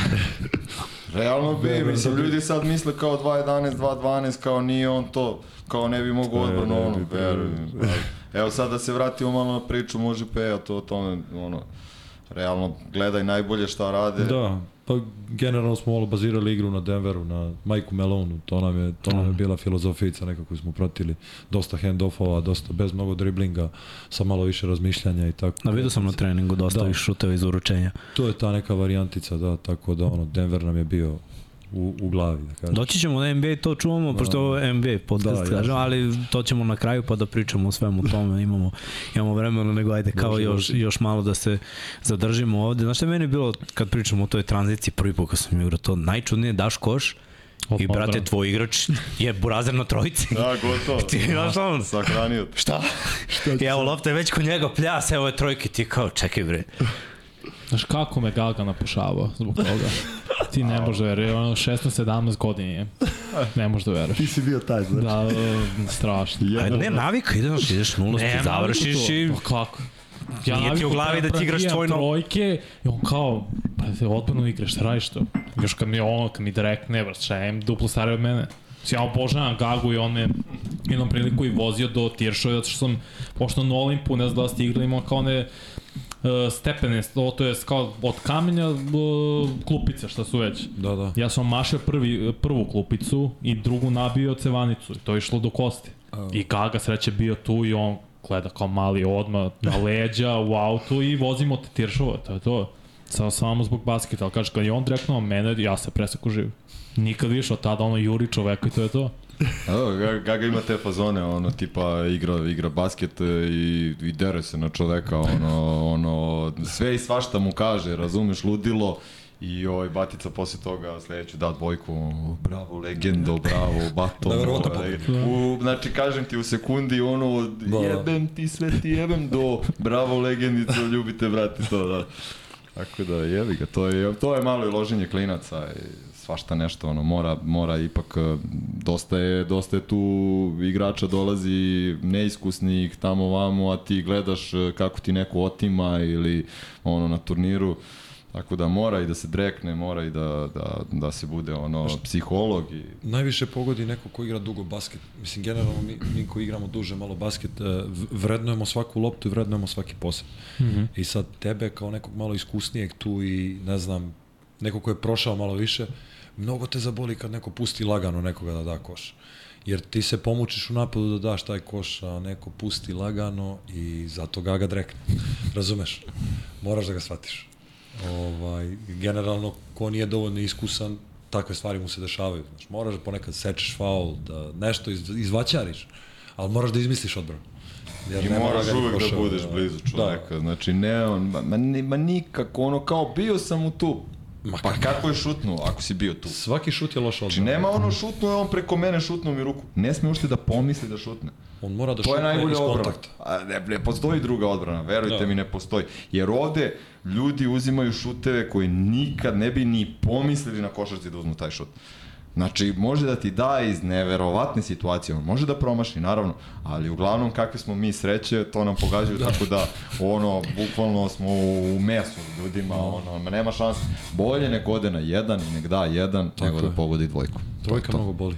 Znam, radio sam prvi put kad sam radio 3x3, ovaj, radio sam kupazije. Sa sve kvalifikacije, i muško i žensko. Sa sve kvalifikacijama, brate. Pri, ne da je bilo vatreno krštenje, ne? ali pazi, to pritom zbog vremenske razlike, s vremenom ovde je pakao. Znači, i tačno znaš da ćeš da zaglaviš, pritom i sad gledam one žene, po razeru koliko je airbolova toliko. Ja nisam video nikad nikad u životu nisam mogao zamisliti da, da je tolika količina koliko se ta dvojka vrednuje da će se šutnuti po svaku cenu bez obzira što je verovatnoća da pogode tipa za njih verovatno 10%. Govorimo o zemljama koje em košarkaškini pa je bilo posto muška konkurencija pa ajde da pokrenem tu neku priču. Jer sam morao da istražujem malo, tu, tu sam krenuo da se zanimam više o tome kako neke zemlje, države nemaju dovoljno košarkaša da naprave reprezentaciju u košarci i onda košarkaše samo prešaltuju na 3x3, da. 3x3. Pa evo sad je bio Madagaskar ovde. Da, da, bili smo... Ma, znaš šta su oni, čime se bave ljudi? A da, ludilo. Policajci. No, Došli tu kao, oni pričaju, mi smo policajci, kao igramo za reprezentaciju Madagaskara. Pobediše koga? Francuze, je li tako? Otišli su na svetsku, igrali su svetsku i pobedili su jednu u grupi. Francuze, bre, ja mislim da su pobedili. Baš, Bili su znaš, sa nama u grupi. Jeste, jeste, jeste. Jeste, Sa nama mi smo ih dobili jeste Francuzi su dobili posljednju, znaš koje radovanje? Ma, ludilo. neverovatno kao da su osvojili Meni, je, sad. znaš kako srce mi puno bilo, jer, jer su igrali i ovde u, u Srbiji. Protiv nas. Protiv da, nas su igrali. dobili da. smo ih i mi smo ih Dobili smo ih i mi, udarili. Neugodni su, bre, neugodni su i jesu, ono, kad ih pogledaš onako, ne deluju uopšte To, košarkaški. policajci znaju da biju. Ne kruže priče. Pazi, dva momka znaš koji šut. Da, da, Znači, neverovatno. ne možeš da veruješ koji šut. Ono, ono ma, mislim, Ma, ne, ne, ludilo, ludilo. ali su borci onako, Jesu, pazi. jesu, borci jesu, su bili i jesu. dobro su igrali. Korekt. Ma svašta ovde, od, od Novog Sada do Beograda sad, mada Beograd i nije toliko, Novi Sad je pre, prestoni, prestonica, što se kaže, 3x3-a i, i tamo možda sretneš ono, bukvalno koga god što se tiče 3x3-a trenutno, jer svi su tamo. Ono, Pa uvek ono 4, 5, 6. 4, 5, 6 Najkvalitetnija ekipa tamo su, je treniraju. tamo, svi treniraju. Da. Mi imamo korektan odnos sa svima njima, ono, idemo u Novi Sad, dolaze oni ovde, tako da... Tamo je to odlično za sparing. Da, imamo za, dosta za stvarno ekipa, za sparing, topova. ono, nemamo problem, ljudi Da. nas ugotive, poštuju i cene naš, naš rad i, i žele da treniraju sa nama. Ovaj, tako da, super, dosta, treni, dosta smo trenirali sa ovom mladom reprezentacijom i sa UBom. Sa UBom smo trenirali to. Ima pitanje baš od gledalca za goste, ko je favorit na ova dva turnira koji idu i da li igra UB na njima, na ova dva prestojeća turnira koje smo ne, najavili. igra. Soccer bet, ne, Soccerbet ne, ne ne, igra igra, u- ne igra. u- Mislim da oni čak imaju taj prag, je li tako? Imaju prag, Oni da. imaju taj Masters Prag koji Masters. obezbeđuješ ako osvojiš Soccer Bet ligu, to sreda četvrtak. A u, UB ne igra, favoriti, pa Pirot i Krupalj. pa da, Mislim, što, to su, što se nas tiče. da, Da. to, Mislim da, mislim da, da, da, da, ovog da, leta. Mislim, naravno, ima tu Peking, Miezis i Lasmanis. Ali opet da kažem, ovaj, gde god ima ta kineska priča, ono, dva kineza, dva, nije to, to, baš nije to isto kao što je, recimo, Ubi ima prednost da, da ne igra toliko sa kinezom. Tako da, čim, čim imaš kineza u ekipi, to ti je, to ti je malo minus, iskreno. I dosta je, dosta je to, dosta je to sad... uh, dobro, ima, ima dobrih kineza, Ne, ne, ne, ne, ne, ima ne, ne, ne, ne, ne, kineza, ne, ne, ba- možda Da, sam da. se pogrešno izrazio, oni su svi dobri igrači, da, ali opet malo je drugačije možda shvatanje basketa u odnosu Baš na nas, to, i karakteri to. smo malo možda, Mnogo su oni lagani. nacije smo različiti, razumeš? mnogo su oni lagani, la, lagani, nisu Da. gladni, oni su tamo zvezde, oni tamo imaju ozbiljan novac, oni tamo je, žive jako lepo, oni nisu, nisu navikli da se bore i da ako izgubi, ako izgubi nema, nema zarada. To sam čuo i od Maksima, isto za Holandiju. Oni su lagano. Pa da. Pa Pa lagano. ako izgube tur, ne vez, oni ih da li plaća savez ili nešto, ne, ne mogu tako je. setiti tačno priča, kao lagano, nema veze, idemo sledeće, idemo sad žurka, šta god, a on gori. Da, pa da, naravno, naravno. Pa, Maksa isto, on je napravio ozbiljnu... Ozbiljan pobednik. Oz, ozbiljan pobednik, nema šta, to se, to se odmah vidi. To se odmah vidi. I on je napravio priču i naravno da će to da mu, da mu, da mu Smeta, bude, da mu, da mu smeta. I smeta svima, ovim momcima koji su se sad povezali u te priče, ali opet sve to razumem zato što je stvarno, ljudi, ogroman novac. To nije, nije sad da mi sad lupetamo nešto, to je novac uh, Evrokup, ABA Liga, ono, ozbiljan novac. Koliko zarađuju momci? Ajde da samo završimo priču sa obojicu želim da vas pitam da se osvrnemo i vaši omiljeni turniri, naj, najlepše uspomene sa nekih turnira, utakmica, šta, šta pamtite najviše, da možete jednu samo da, da izdvojite, jedan Pa turnir bilo ćemo šta. se, rećemo isto. Hakl na taksi u Zagreb. Hakl na taksi u Zagreb. Nikad, Ne, što je to toliko nikad posebno? Nisam doživao tako nešto. Pa evo sad, evo sad ja, izvini, e, ti Peo nastavi, sa, evo samo da ti ispričam ovu stvar. Zamisli sad, završio se turnir. Uh, ima još naravno gomila anegdota koje mogu da, da, da ti ispričam, ali evo samo, samo ovo. Za, završio se turnir i nas obojicu, deca, to su gajnice, to je blok tamo u Zagrebu. Predgrađe Zagreba neko. Pa mislim Zagreb, nema Da, šta, kao grada, blokovi, da, ono malo, 38-ica, nemam pojma, ono, razumeš u bloku teren i ceo blok je na terenu. I to je zezanje na maks. I mi smo završili turnir, nas su poskidali skroz. Znači skroz, ono, u, samo smo u onim Ma pod, čarape. pod, podgaćama. Čarape nemam, nemam ništa. Ništa. Podgaće. I to se dešava u jedan ujutru u Zagrebu, u, kako se zove, parku, mi idemo kroz park goli. I na, svi nas pozdravljaju, svi ono kao, e, krupanje, razumeš?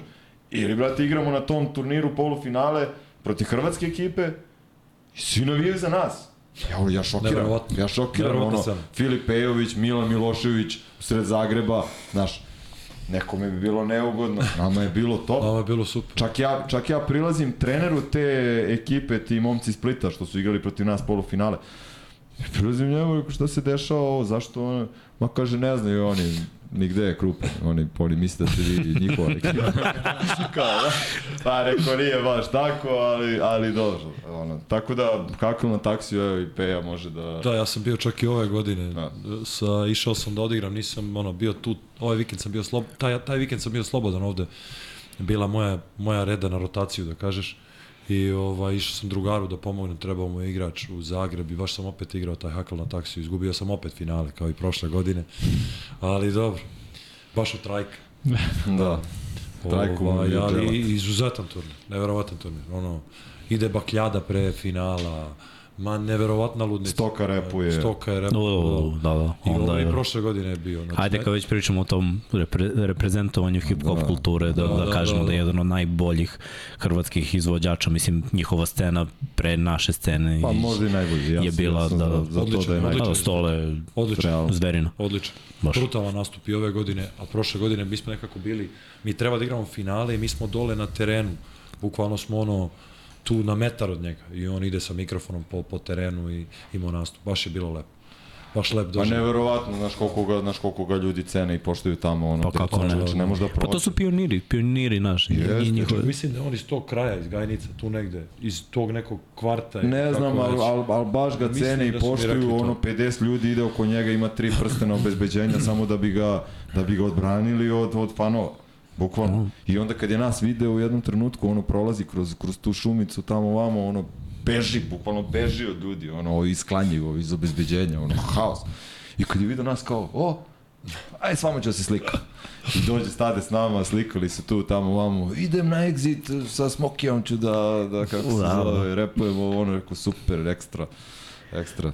Ma čoveče, to pazi, mi kad smo igrali taj basket na Vidže, vraćamo se opet na taj hip-hop playlistu i sve, Onyx je ono gospodario manje više. Mislim, da doživiš kao hip-hop izvođač, što je Stole doživeo da ima fit, mislim, sa, sa Onyxom, Da, da, da, između da, ostalo, da, mislim, ali stvarno, stvarno za respekt. Tako da, ovo, drago mi, drago mi da ste doživeli tako nešto. To, to se redko ovaj, Ma vidi, daleko od, doživi. toga, daleko od toga da ostali turniri, veruj mi, imali smo, imali smo preozbiljne turnire, igrali da. smo prošle godine finalni Hrvatske u, u, u Puli, u, ovom... U Koloseumu. zove, Koloseumu. Ono, Ma neverovatan. Mislim, neverovatan. pazi to, kad izgleda Ambijent. sve, ludilo ovo, ono, ali opet mi smo došli tu da osvojimo turnir i da uzmemo to što nam treba za dalje. Znači, mm -hmm. okej, okay, brate, kažem ti, neverovatan ambijent, sve je to super i to, ali, druže, teren na pesku. Na šljunku, onom, Prašina, kako loptu, prašina se diše. imaš grumuljice, ono udariš loptu, ona ti odskoči na drugu stranu, moraš da ih gledaš sve vreme, ono što ti trener kaže, nikad ne gledaj loptu, ne možeš druže, moram da gledam jer ne znam gde će. Znaš, ono, ako je ne vidim gde će, ono, ode. Tako da, ovaj, ima- kažem, ovaj, Hrvati, Hrvati od prošle godine, taj njihov pro tur, ovaj, baš gađaju, gađaju ozbiljne destinacije, ono, Hvar, Pula, Zadar, Šibenik. Zadar, Šibenik, Dubrovnik Dubrovnik, Dubrovnik mislim, ono, naš koje lokacije. Pršti, pršti, stvarno je odlična organizacija.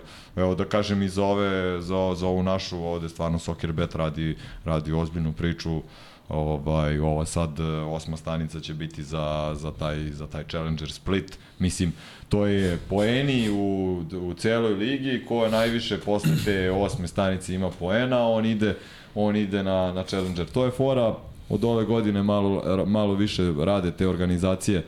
Ne prave Mislim, prave i to, ali e, realno možda je bolje za organizacije da prave te challengere, za challengere i za masterse, da prave celu ligu i da tako skupljaju poene, jer samim tim će onda imati konstantno ekipe na turniru. Znaš, neće da im dođu sad ono, imaju uh, jedan nivo ekipa koji piči uh, ovaj, tu svi sve mogu da pobede tamo vamo, izdvoji se neka i onda ti na taj kad je sate, satelit i kad daje neki challenger taj, taj turnir, onda ti dođu gomila ozbiljnih ekipa i pokupe pokupe kajma kod ovih što su igrali sve vreme tu ligu, to je to je glupo. Tako da su počeli sa tim poenima da da ovaj da broje te poene i to je jako dobar jako dobar ovaj kako se zove pogodak za, za organizacije jer će imati konstantno ekipe, dobre ekipe na turniru koji će juriti da odigraju što više tih stanica da bi uzeli naravno što više poena i na kraju osvojili Challenger ili Masters. primer nas u Pro Touru u Hrvatskoj, mi smo otišli, osvojili smo Vinkovce i više se nećemo pojavljivati tamo Tako do je. Zato kad, što 12. tako augusta. Zato što kod njih je Ko osvoji jedan, ima završen. imaš završen. Mm. A Što bih ja išao i ono, trošio Tako par igrao tamo kad mogu ovde u Beogradu da igram, Ne razumiješ? samo par i telo i... Pa, to. no. samo neka nastave tako. Dobro, što se njih tiče, Da. samo neka Da, nastave. vama se- to vama odgovoru. se Vanja završi. ubijaju najviše, to je problem. To. Da, da, pa klasika, klasika za, za sport ovde. Uh, Vanja, još neko pitanje, imaju gosti, o, gledalci pitanja za gosti. Da, imam još jedno, vezano baš za patike, kojim patikama igrate? Ne znam da, koliko, da, da li ste odredili posle svih ovih godina igranja, koje su najudobnije, da ste imali neke greške, kao ok, ovim više nikad ne igram, to me najviše zanima. Ja sam zaluđenik za patike, tako da ono, možemo, isto. možemo Da. pričati. Ovaj, ovaj sto je zaluđen. Patika. Ovaj, generalno ja bih voleo da mogu da igram u Jordankama, ali ne mogu. Nema šanse. Nekako su krute previše za ovo. Trebaju ti neke patike koje su malo, da kažeš, gipke. Mm Mhm. -hmm. Evo, mi smo do skoro igrali, stvari Miki je baš danas uzeo nove Danas patike. opet isto. Se- Low 5. Da, držim se toga, to Ovaj, je to. dobra, dobra patika, Moja dosta. patika. Generalno gledamo za grip najviše da lakše možeš da menjaš pravac, jer je podloga malo to, to drugačija od, bask, od uh, parketa. Mm Mhm. -hmm. Parket nekako drugačije, brža je podloga parket, ovde je dosta, recimo, ako si sporiji igrač, nisi toliko spor, jer je onaj brži, brzi malo sporiji, razumeš? Nekako smanji se ta razlika, taj kvalitet brzine na basketu. Mislim da je zbog podloge, usporava igru. Tako da ono generalno tražimo patike koje su koje koje menjaju dobro pravac. Ja sam našao, meni je Traction, taj što bi low se reklo. petica odličan, ovaj, pošto nosimo i uloške, pa onda i uložak malo podigne, a one su polu duboke. Ja sam navikao na plitke, volim u plitkim da igram, ovaj, ono što kažu trkačice, ali ne mogu više da koristim trkačice jer koristim, eh, kako se zove, uložak i onda mi on podigne malo nogu i taman mi je ova low ova petica je taman onako polu duboka i taman mi sad ispadne kao da je tu plitka mm -hmm. sa, sa, sa uloškom. Kupuj dok ih još ima, brate. Da, ne, Evo, danas, Pričat ćemo, pričat ćemo. evo, danas sam kupio, Da, da. da miran sam sad, me, ja realno, evo, ove prošle, koliko traju patike? Baš? pa eto, ja sam, ja sam kupio prošle godine ove Kairi, pa ne znam kad je bilo, jul, ja mislim da je jul bio. Evo, znači, skoro godinu dana, ali realno sam mogao, realno sam mogao pre jedno 3-4 meseca da, da kupim. Meni znači, do 3 meseca. Da, Meni pa dobro, da- razlika je u 20-30 Koje nosi? kila. Generalno sam u Nike, ono Nike patiku, nije mi, nije mi nešto Adidas, ni, nisam generalno nikad nosio osim od 8. do 10. Od 2008. do 10. tad sam nosio, ne od 8. do 10. godine života. ovaj, od 2008. do 10. morao sam, ovaj, bilo nam je na koleđu tamo. Uh, To nisi pomenuo. Sponsor, da. da. da, pa rekao sam nisam nešto teo pet. Nisam, da, pa šta nisi? pričat, šta god te zanima. Sad da kažeš, brate. Kako si nas uskratio, Da, kao nisam to da rekao, znaš, kao ne. I za jednu pam koleđ, brate. Ni levo, ni desno, Nisam brate. znao te zanima ta priča. Pst, Brate, sve nas zanima, brate. Vi ste došli ovde, ovo je vaš basketball life. Može. Gde si bio na koleđu? Bio sam Kad si otišao na koleđ? 2008. O, bio sam od 8. do 12. Završio sam tamo to. Koji univerzitet? Uh, Koja divizija? druga divizija, igrao sam mm -hmm. na drugoj diviziji. Dve godine sam bio u, Palm Beachu na Floridi, a dve godine u Južnoj Karolini, neki mali gradić. Ovaj neverovatne dve različite lokacije, ono West Palm Beach je nerealan grad. A ovo gore sam bio bukvalno u selu od 10.000 ljudi. Gde, dve, tri, Reci, četiri. reci kako kažeš za, za to. Reci slobodno, pa za to gde si bio, gde si bio smešten, to tvoje vu, vu, vu, vu koji jebina. Podcast ćemo dati ono slobodno Nisam, možeš nisam da... ni palo na pamet, da, Fin momak, bre. Da, klasično. Vuku Sad znamo ko je trash talker u ekipi. Pa da. Ma, obojica smo. ovaj, ali, ali interesantno iskustvo i to je to šta da ti kažem. Pa dobro. Gledaj, treba, treba proživjeti. Meni no, najviše žal, to, sam siguran da, da svim mojim, mojim drugarima koji su većini u stvari. Što nisi otišao? Što, što nismo da probali. Jer mislim opet to je njihov sport do duše, pa da, da vidimo kako je, ali takmičiti se i živjeti. Imali smo par ovih nekih momaka, bivših sad igrača protivnika, zvali smo ih u emisiji isto da ovo napravimo, da. samo ne za basket, nego za 99 yardi za američki futbol. Mm -hmm. Imamo par momaka bilo na diviziji 1. I onda da. su oni pričali ceo, meni se to sviđa, jer sam ja isto ložana, ja bi ustajao lagano u pet ujutru i šutere tamo dva puta dnevno i Im... trenirao i jeo po ceo dan. To, znaš, ono, I, volao bih da sam proživao to. Prve dve godine sam baš imao tu, tu priču. Ono, ustajanje tri puta nedeljno bilo trening u, u šest ujutru, ali to nije u šest ujutru, nego u pola šest. Da. Znači ti moraš u pola šest da budeš u hali i da nešto radiš. To je ono bilo ako u 5.31 trčimo jednu kamikazu. Nerealnog lika sam imao za trenera koji je svaku kaznu rešavao kamikazama ili onim sedamnesticama. Sedamnestica ti je širina terena 17 puta da istrčiš. To, kad mi neko pomene to moram da istrčim sad, znači odmah krene povraćanje. No. Masu puta su likovi povraćali tu na treningu. Ja sam deci dao walk. O, i to je dobro. Jedan je minut uh, kasniš, dužina terena, stojarti. To je ga. Dva minuta 200, pa ti kasni, bre. Baca, bacale su se pegle. To je gadno. Dođeš ranije. Mi smo dolazili po pola sata ranije da, da se bandažaš, da se spremiš. Da, da. Ja se individualno zagrem pre nego što se mi timski zagremo. Jeste, to je to. Svati ozbiljno. Ist, istu, istu stvar je traži. Ali kažem ti, sve je rešavao na trčanje na kraju. I to mi se nije sviđalo. Mislim, glupe su te kazne. Pobili smo se jedan put na treningu, ono, ono najnormalnije, pustio nas je, smirili smo se, sve bilo cool, svi su ti treninzi, mislim, ono, bi imao sam u ekipi 11 ili 12 crnaca i bili smo ja i još jedan momak belci. I ono, drugačije kad igraš sa crncima, drugačije kad igraš sa belcima. Totalno drugačiji basket. I generalno oni su, oni su ovaj, drugu atmosferu naprave i to je mnogo kompetitivno i bude tuče, bude svega. Mi smo se u jednom trenutku pobili, on je stavio 100 minuta na sat i samo je čutao. Mi smo lepo stali svi na liniju, znali smo šta nas čeka, samo stisnuo sat i rekao, imate 100 kamikaza i ono na 50 nešto minuta ali koji povraćaju zeleno na, sredi, na sredini terena. Pa, pa šta ćeš da radi? Ali to su te kazne bile, ludilo. To, to je Amerika, to je kolež tamo. Verujem da na NFL, to jest američkom futbalu još još luđe kazne. I, no, i svega, svega je bilo. Oni su nerealne fizičke predispozicije, ti momci. Ne, pa mora, mora, mora baš da se, mora baš da se radi. Ali znaš šta, ovaj, opet možeš da igraš. Mislim, mi smo imali neke momke koji su bili ono All American koji su dolazili kod nas i mislim, možda ih dobiješ u delu, ali opet taj nivo spreme i želje, mislim, on zna preko Marka, znaš, mi smo, mi smo stvarno, da. nismo izlazili, mi smo spavali u teretani. Znao, I, on, pionir tamo, onaj... Tako, da, to je bilo posle. Da, mi smo da, imali da. pored terena na Adi, kao kućica slačionice, gore kao bio sprat iznad, da. koji je bio kao valjda prvo ostava mi donali tu tegove i trening, pa teren.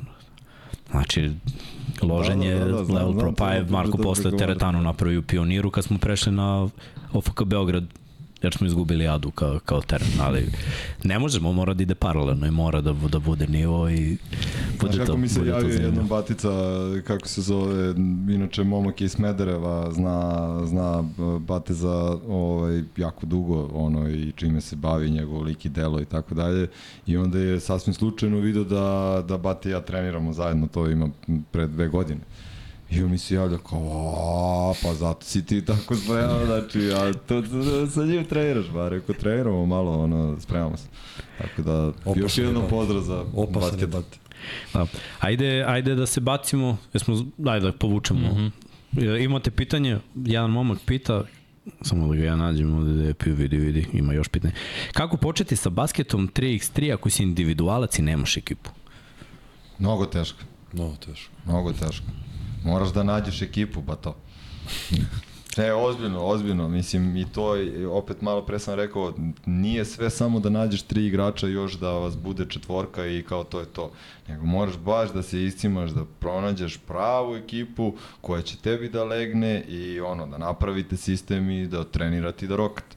Ne može, mislim, teško je to. Ma, ono, realno u 90% slučajeva moraš da se iscimaš i moraš da, da, da odradiš sve. i imaš 10% ono ozbiljnih košarkaša i ono momaka koji su ono imali sreće i uleteli su u ozbiljne priče bez ikakve ono cimanja čak evo Barać je, Barać je prošle godine sa nama on je sad u Ubu ono mislim ne, ne, ne zamenjiš šraf ono, ono Baki igra fenomenalno ali on recimo prošle godine igrao s nama turnir u, u Sremskoj Mitrovici, tako? Da. Ti, Peja, Peja nije mogu da igra i, i kako se zove, ba, Barać je igrao sa nama taj turnir u Mitrovici, gde momak je došao iz košarke, nije znao ni pravila u tom trenutku, znaš.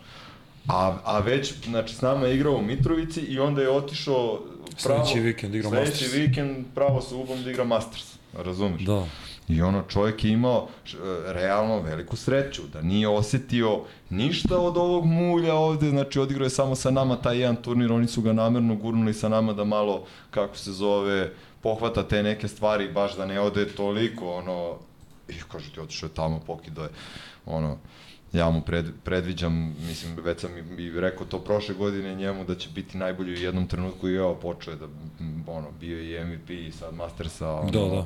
pogodio dvojku za pobedu. Svaka čast mislim, Baki. Svaka čast, ono, baš mi je drago i zbog njega i, i zbog njih, ono, neka gaze, ono, dok mi ne dođemo. Ajmo, ajmo na NBA. Naravno, kao i svaki klinac, verujem da ste se, mislim, ja mogu kažem iz svog primjera, vrlo verovatno da, da je slično, jer smo sličnih godina. To ono, prva NBA utakmica, ti odmah imaš nekog idola, odmah hoćeš da budeš kao neki baja, odmah stvaraš simpatije prema nekom timu. Timu ne i nužno, ali mora individual nekada postoji da si u fazonu, uh, hoću, hoću ovako. Bilo, meni je prvo bilo NBA, pa tek onda na, naši prostori. Pa ajde, prvi kontakt sa, sa NBA ligom i pa ti neki prvi idoli za obojicu. Ja, meni su ono, kažeš, prvi, prvi kontakt sa NBA-om, da kažeš, malo ozbiljnije bilo, pomenuo sam malo pre Sacramento. Ono, pre toga, i nisam baš toliko, ono, pogledam ponekad, možda kad sam bio mali, deseta godina, pogledao sam možda po neku utakmicu, ali to, kad je bilo, 2001. druge, kad je Prve, bilo? druge, da, da. Prva, druga, je li tako? Da, da, pa dobro, i 2000 su već bile su naznake da, da će biti da, nešto da, dobro. Sklapala se tu dobra ekipa. 11 godina kad je to bilo i tad sam ono malo više ozbiljnije krenuo, da, to mi je bio da kažeš prvi kontakt. Ali posle, kao igrač, igrač kao igrač u NBA-u, Paul Pierce, to mi je bilo ono, njega sam najviše gotivio. Opro sam dres. Ozbiljno. da, da, njega, njega. Ja njega sam gotivio. Znaš ko mi je poklonio taj dres? Ko? Moj brat Batis. Njega sam baš gotivio najviše. A, ekipu kao ekipu New York Knicks. Ta franšiza i ceo ambijent oko Madison Square Gardena, mislim da je to nešto najlepše u košarci što može neko da doživi. Komercijal. Evo, vratilo se. Mislim, pa, trebalo je, trebalo je Ja se vremena. nadam da će Nixi da se vrate malo. Voleo Da, da. sad su skupili ekipu s Villanove, pa... Da, vidjet ćemo. dobro. Će- Jalen Brunson, kako će da vodi. Da, pa ja ne znam, meni je on gotivan. Vanja Ja to nešto sumnio isto. njega, ali mali onako, je to- borac je, meni dobro, je to- dobro. Ja ga gotivim. Julius Randle i on, nije to loše. Dva levoruka igrača. Pa, malo im fali jedan koš getter, jedan šuter, klasičan šuter. Pa evo sam menjao RJ Beretta, kako sam čuo za nekoga. A ja sam spomenuo, ja, Evo, video sam Paul nekoga, George sam ja mislio da bi znaš koga trebao video? Ne, video sam danas, uh, bre, iz Majamija, Tyler Hero. a možda budu kao treći tim za E, Lillard sa da, da, Lillardom, da, da, ta je priča. Mislim da idu RJ Barrett i još neko, ne mogu da se setim kom. Da će to biti loše New Yorku. Da, da, da. Ja sam navio za Zajona onda da, da ode u New York. Znaš koliko sam navio, ali da. O, postoji dalje da ta se- mogućnost da se traduje. Jer da je nezadovoljan u New Ja, šta Orleansu. se sad dešava sa tim čovekom? Nije znam. Dobro. Njega da povedete na trening ovam u teretanu, malo skine kilograma da se steše, ojača ahilove. Miki, Pa ja sam, ono, moj početak je Seattle Supersonics i Gary Payton, to je ta The ekipa, glava. ta ekipa, ono, Sean Kemp, onaj, Macmillan, onaj, kako se zove, Detlef Schrempf, to mi je bila ekipa, njih sam baš gotivio. Posle onaj Sacramento sa Jasonom Williamsom, to mi je bilo isto, i Kid, naravno, ovaj, kako se zove, Bibi. Bibi, bravo, da, Bibi. eno ga Ovaj, tamo na gitari. E, tu je, a? Tu je Bibi. Meni on bio omiljen u Sacramento. Bibi? Pa, da. Ne, može ispred Jasona. Jason ja sam, vrate, Pa, kao ja, klinac, pa, ja sam kao klinac, Su oni igrali zajedno, ljudi, šta? ne, trade, ne, ne? trade je bio. Trade je bio. Trade. Ali ja sam, brate, bukvalno bio u depri, kao klinac, kada je Jason Williams poslao u Memphis. Da, da, Razumeš? se. Ja sam baš ono, e, navijaš za Sacramento, da. razumeš? I Divac, i Stojaković, i brate, Jason Williams, pa pokušavaš. Brate, Meni nisam pokušavao bio da radim na treningu šta radi Mike Bibi, nego šta radi Jason. Williams, pa dribla, pa pa Pa šta si asistencija. mogao na treningu da radiš ako ovaj, da grickaš nokte, brate? a, to je Bibi ima tu foru Ja sad, razumem. Dobro, mada Bibi posle se da, ispostavio da, više kao ja, kad je ušao Da, da, teretanu i... Bibi, jesi video sad ovo? Burazer. Bodybuilder, šta je? Si vidio koliki je, brate? Nerealno. Naduo se ceo, brate. Kako ono bilo nešto, bilo, bilo, bilo neko ime, nešto, nije Bibi, nego slagaće. Ne mogu se setim. Kao kad je nagruvan, kao nešto drugačije sad zove. Ne mogu da se setim. Setit ću se pa ću reći. Aj, on je isto kolekcionar patika, ozbiljno. Ozbiljno? Da. Da, da, on ima ozbiljno. znao. Video sam ovaj, ima jedna, jedna emisijica kraća gde uđu kod njega ga, u gajbu i Bobrazeru. znao. Ima sobetinu, sa, ima neke patike, pošto je on ima ugovor sa Jordanom. Ima neke modele koje niko nema. Koji su A, kasnije. ne, pa PJ Tucker je tu. Ne, ne, nisam rekao da je najbolji, rekao sam da je kolekcionar, PJ Ja Tucker verujem institucija. da Tucker ima svaku patiku ikada. Nerealno ti, Znači 100%, ne znam dakle najbolje. Nerealno ti. Čekaj, Menja- pust, da pustimo Milančeta da završi priču. Ne, ne, mislim, e, kažem ti, ovaj, to je u principu to, e, Sacramento i ta, ta priča, ja, ono, malo pogledam playoff i to, nisam ja neki, nije da nisam ljubitelj, nego jednostavno volim da, da, da dremnem, ono, da spavam u neko normalno vreme, a nisam fan repriza i to, znaš, ono, pogledam, pogledam kad mi neko baš nešto kaže i sad, znaš, ovaj, tipa neku akciju i to. Inače, slabo, slabo. Uglavnom ja. Da, uglavnom je to Peja, Peja, Peja prati NBA i ja sam više u Euroliga fazonu zato što je to neko vreme normalno, a Peja ima demone neki koji ga drže ono noću. ovaj, kako dobro, i to- zove. Pe, pe je naš čovjek. Prati, da, pratim, pratim NBA i ovaj, igram, igram tiket svaku, svaku drugu, treću noć. Igram 20, 21 igrač, 20 dinara, 15 miliona. Jurim ih, pogodit ću, pogodio sam tri puta, 18 sam pogodio tri puta od 21. Vidiš Milanče, ovo će vam biti da. sponsor, brate. Ja navijam za taj pogodak, znaš koliko navijam za taj pogodak, onda smo na konju posle, a, a opet mi te, te pare koje jurimo, ne jurimo pare mi za, ne znam kako se zove, da stavimo u džep, da kupimo džipove i to, jurimo pare, napravimo teren. To nam je primarno, da. Znaš, jurimo pare, napravimo teren da bi sutra te klince mogli da dovedemo na teren i da od njih napravimo zverine. Eto, to nam je, To nam je plan, neki to nam je dugoročni. neki plan, dugoročni. Bravo, ono. Bravo. Tako da, opet kažem, nije te pare koje mi jurimo, uopšte nisu Da. da. za to što ljudi misle i za to što uglavnom ljudi jure, razumeš, pare za, ne znam, gajbu, za, za džipa, za ovo, za ono, majak. Moja planom je samo da u narednih godinu, dve, tri, sva- svake godine po nekog mladog ili jednog ili dvojicu ubacimo i polako da se mi sklonimo iz toga, da oni nastave da igraju, što je prirodno. Prirodni porad, Tako je. tako I, treba. znaš, mnogo je, mnogo je lakše to uraditi ako, ako imaš uh, neki novac, to jest budžet za, za to, nego da tražiš članarine i te neke gluposti, što realno ti odmah obara priču, uh, zato što ja to klinca hoću da isteram sa treninga ako mi dođe da, da ga isteram, a ako je on platio članarinu, teško da mogu da ga isteram. Ono, pogotovo sad u ovo vreme ono, tatinih i maminih sinova, iskreno, radio sam u Kini, ono, radio sam u, u Srbiji isto kao trener, ovaj, ljudi mnogo očekuju uh, kad daju neki novac. A sada više članarina nije mala. To su, to, to su, to su ozbiljne članarine. I onda posle, posle ide priča kao nemamo mladih talenata, nemamo ovo, nemamo ono. Pa ljudi, kolike su članarine? 100 evra članarina u klubu, ono, neka prosečna, a koliko je prosečna plata? Mislim da ne gledamo ko priča, koliko je prosečna plata i tako dalje.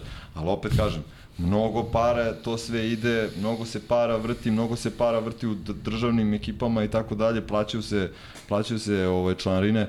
Mislim da je to glavni problem. Nije toliki problem da li mi imamo talentovanu decu ili nemamo. Mislim da ta deca talentovana ne mogu ni da dođu do izražaja. Ne mogu ni da treniraju zato što neko mora da plati, njihovi roditelji moraju da plate tu članarinu, a opet ako će da izabere između članarine i klope ili ne znam, ono, stvari za školu i tako dalje, taj dečko neće trenirati košarku. Tako da to je to je neki plan. Ja bih voleo da mi stvarno imamo situaciju da možemo decu da treniramo ovaj što se kaže za dž, da pravim selekciju, tako je pre bilo. Znači Niko meni, meni roditelji isto ne bi dali novac da, da ja sad, kako se zove, idem i da plaćam, plaćam članarinu i da treniram. Znači, ja sam morao da prođem selekciju svaki put, znači, to je jednom godišnje bila selekcija u FNP-u, ovaj, kako se zove, da li ostaješ ili ispadaš. I ti moraš da prođeš svaki put selekciju da bi, da bi kako se zove, nastavio da se baviš košarkom. Tako da, znači, moraš da budeš dobar, moraš da napreduješ, moraš da se cimaš. Ne može sve kao, evo, pare i ja ću tu da budem e, najbolji igrač. Ne Da. može. Mnogo pohvala u ovom trenutku stiže u komentarima. Hvala lepo. Tako hvala da, baš a, mislim, zato što ovo jeste, ja uvek pričam i, i za druge stvari koje radimo i ovo humanitarno, što moramo mi, brate, sve moraš sam. Da, ne sam, do duše, sve moramo sami. Znači, ima nas, ljudi koji slično razmišljamo, ljudi koji volimo sport, koji volimo da ono, učinimo nešto dobro, verujemo u tu karmu, radiš dobro, dobro se vraća i, i ovaj plan koji imate je najbolji plan ko- koji sam čuo, tako da, da, bravo. uradi- uradi bravo. sam. Da, da, uradi sam. Uradi sam, a znaš, dobri ljudi okolo će da pomognu. Yes. Sve će to da dođe na svoje. Da, i mi se, i mi se, da, i mi se, opet kažem, te klince regrutujemo, oni nisu ni svesni možda ovi sad koji gledaju ovo, nik, niko od, od klinaca nije dobio priču, e, ti ćeš da sutra igraš za Krupanj ili tamo vamo, ne, nego jednostavno upoznajemo momke i bukvalno ko pravimo kockice tu. Ma tražiš pravi karakter. Tako je. Opet se vraćamo na karakter, kao i ti što si sad rekao, ima nas, tu smo. Znači, slični ste karakteri, razmišljate slično, gurate jedni druge, gde si ti malo loši, on te pogura i obrnuto. Tako i mi isto tražimo, te neke koji će da nas guraju, malo po malo. Tako. Veruj mi, pre bi uzeo igrača koji, e, znači, imaš igrača koji šutne 10-10 dvojke i imaš igrača koji šutne 10-2 dvojke. I opet gledamo karakter, gledamo ko je pobednik, ko nije pobednik, ko je kakav za ekipu. Ko... Uzet ću pobednika. Uzet ću pobednika koji je 100% ovaj 10-2. 100%. Razumeš? I opet tih, kako se zove, 10-2 će da pobeđuje. Znaš kako, svaki, svaki taj igrač koji ima neki nedostatak, on mora dosta, dosta više Da. da radi na drugim stvarima. Kompenzuje. da bi nadoknadio taj nedostatak. I ti njega možda iskoristiš idealno za neke stvari. Mislim, ono, vrhunski. Baš to. Uh, ajde kad smo tu kod NBA, Vanja, ti si ovde čovjek za vesti bio, ne, mislim mi smo prošli put ispričali, ama baš svaki trade izbacili smo po 10 igrača na svakoj poziciji. Sve. Šta je Pošto- bilo? Sad su samo priče, ovaj, najviše oko Hardena i Lillarda njihovih trejdova, mm. -hmm. osluškuju se ponude, prave se neki paketi, ovako i od dalje- velikih slobodnih agenata. Pa Grant Williams imao je sign and trade, potpisao svoj ugovor, ali su ga tradeovali Celticsi odmah u Dallas, tako je to super potez. Zapravo Celtics su dobili nekoliko pikova u drugoj rundi, uh, Bullock je otišao u San Antonio, San, a Grant Williams je otišao u Dallas, tako da je to jedini bio ono veliki potez. Možeš. Šta, možeš slobodno? Da, slobodno, slobodno. Ovo je slobodno, slobodno, slobodno forum. slobodno. Ajde, Eto. taman da iskoristimo priliku i da pozovemo kad smo već kod toga šta moramo da uradimo sami, pošto niko drugi ne može, ajde svi da se aktiviramo i da pomognemo Jovani da pobedi u svojoj bici uh, 1492 na 3030 humanitarna fondacija Budi Human. Ako možete pošaljite SMS, to je 200 dinara, ako ne dinarski račun ili devizni račun, imate sve ovde, pogledajte, pomozite ako želite nekom drugom da pomognete, samo kliknete na, na sajt Budi Human, pogledate tamo koliko ima dece, koliko ima ljudi kojima treba pomoć, mi tih 200 dinara, 500 hiljada bacamo na, na sve i svašta, ajde da, da uradimo nešto dobro. Eto, pa će onda dobro i, i nama da se vrati, već znate, već znate celu priču. Uh, Ivanja je promenio svoju odumnu Da, kombinaciju. Ovo je Eli, ovo je. A? Ne, nego previše, brate, si krenuo u Jel teretanu. da? Pa, dobro. Da, ozbiljno, ozbiljno je počet trener. Znaš šta, imali smo, mi smo kao je- jednom, ima dve godine sad već. Da. Odlučimo mi da pravimo kombajn. Znači, kao što se spremaju u NFL-u, s tim što tipa Jimmy i ja van forme ništa ne treniramo. Znači, znaš ono, najslađe je kad završiš, ja kad sam završio na primjer da igram, prve godinu, dve, bilo, izvini? 2016. Aha. Prve dve godine sledeće sam trenirao kao lud, to je valjda navika, jebem. Znaš, ne, ne mogu prestanem. I moram da idem u teretanu, ali sad ne trčim i ne povređujem se. Nemam kontakt, nemam, nemam povred, nisam mnogo na terenu. I sad sam zdrav. Nemaš te bolove. Nemam nikakve bolove, a mogu da dižem koliko hoćeš. I rekao, ajde to i ovi ortaci mi uhvatove mlađi, znači oni su tu negde vanjeni gojena, igramo mi dva termina košarke nedeljno, prijavljujemo se za ligu. I ono kao, znaš, kao opet treba mi nešto. Ja uhvatim tu i bukvalno posle godinu, dve presečem i to i ništa. I oni, ajmo mi kombajn. Trčimo 40 yardi, pravimo one L drillove, sve, idemo u teretanu, dižemo 100 kila iz benča. Ja rekao, brate, ja stvarno nisam u formi, mislim, naravno, ispoštovat ćemo, neće to biti kao iz dana kad se treniralo, ali može. Tad je Vanja, ja mislim, rešio, uzeo papir, popisao i rekao, e, krećem da treniram, krećem u teretanu i brate, ovo ti je pohvala javna svaka čast, brate. Nisam, pa ja sam prestao nakon Turske, nakon što se završao Da. s košarkom, to je bilo 2019. godinu i po do tada malte ne dve nisu trenirao. Malo povremeno igram basket i sve to, ali me mrzlo da imam teretanu, nikad nisam volao. I onda Mik sam me nagovorio, pa onda vidiš oni Jimmy šta rade, pa onda mora i tako je to krenulo. Šta ideš sam, sam cepaš ili... Pa da, da, bukvalno tu na Zvezdari, tako da. Zapravo sa devojkom. Ne, ne, sa Gagom ubio bi me Gaga, bukvalno. Znači, to nije stvarno, znači, misliš 16-17 godina imam, on mene, brat, cedi i cedi i cedi. Ja rekao, brate, imam školu, kao moram se turim u školu. Kao, ne, ne, ne, kao, ostaješ ovde, to je to. Dobro, ti imaš diplomu, znači. Da, Ti mogu. diploma, oz, ozbiljnu diplomu imaš ako Da. te gaga cedi. Ali nisam nigde video više, veće poštovanje od klinaca prema nekome nego klinci prema Gagi na Olimpu. Da, da, to je. Neverovatno. Neverovatno. To legenda volim. Očigledno je zasluženo to, zaslužio je to. Da, ja sam čuo te priče neke da je on zimi, po snegu, Jeste, kiši, on je jedini na Olimpu. Trenira i to je stvarno dovoljno do savršenstva. Čovjek je kategorija, kategorija za sebe. Da, da. Svakako. Ajmo malo da se bacimo u priču, pomenu si Sacramento i kako smo to gledali, to je stvarno bilo s roditeljima, to ja se sećam, pogledaš, pošto soliteri su svuda, pogledaš kroz prozor, svetla manje više, sva popaljena, završi se tekma, lupaju se lomci, zviždi se. Sad nije bilo tako za Denver, ali moj neki osjećaj, mislim, mi smo krenuli ovaj podcast bukvalno kada je krenuo playoff. Mm -hmm. I kroz podcast, kroz kako, kako je rastao broj ljudi u live-u i, i cela neka naša priča, pa i vidim kad god naletim na nekoga, pomenemo Denver, jer ono svi kad je ti komentarišeš basket i ovo i ono radi, i odmah Denver, i Denver, i Jokić i sve. I prate manje više moj neki osjećaj da mnogo ljudi je ispratilo ovaj playoff, da se nekako to bar nije, ja mislim da nije kao ono što je bilo kad je bio Sacramento, ali mislim da se vratilo u nekoj meri zainteresovan za, za, za NBA i košarku. Bar mi tako deluje. Drugo Koliko vreme. ste, koliko ste ispratili? Ti, ti znam da si ispratili. Da, da, jesi. ja, samo da se ubacim ja odmah. Ja, ja, ja to kogod krene da mi priča kako se zove to uh, Denver i Novak Đoković, ja kažem, ma to je komercijala. Ono, mislim, to su one priče što pričaju svi. Bukvalno, znači, gde god se okreneš, gde god si se zateko sutradan, preko sutra, svi pričaju samo o Denveru, Đokoviću, tako da, to je komercijala. Evo, Peja priča. Ja sam ih prognozirao da će da osvoje od početka. Ali vero, brate, mi smo felo, mi smo prognozirali Boston manje. Ja sam prognozirao finale i, i da će da osvoje ili Lakers ili Denver, ko prođe sa zapada. To je bila moja prognoza.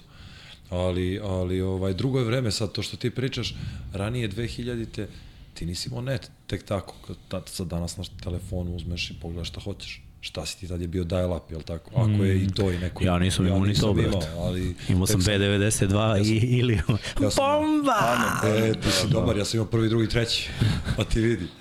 Ovaj, generalno, tek tamo kasnije s pojavom interneta, znaš, drugačije je to išlo.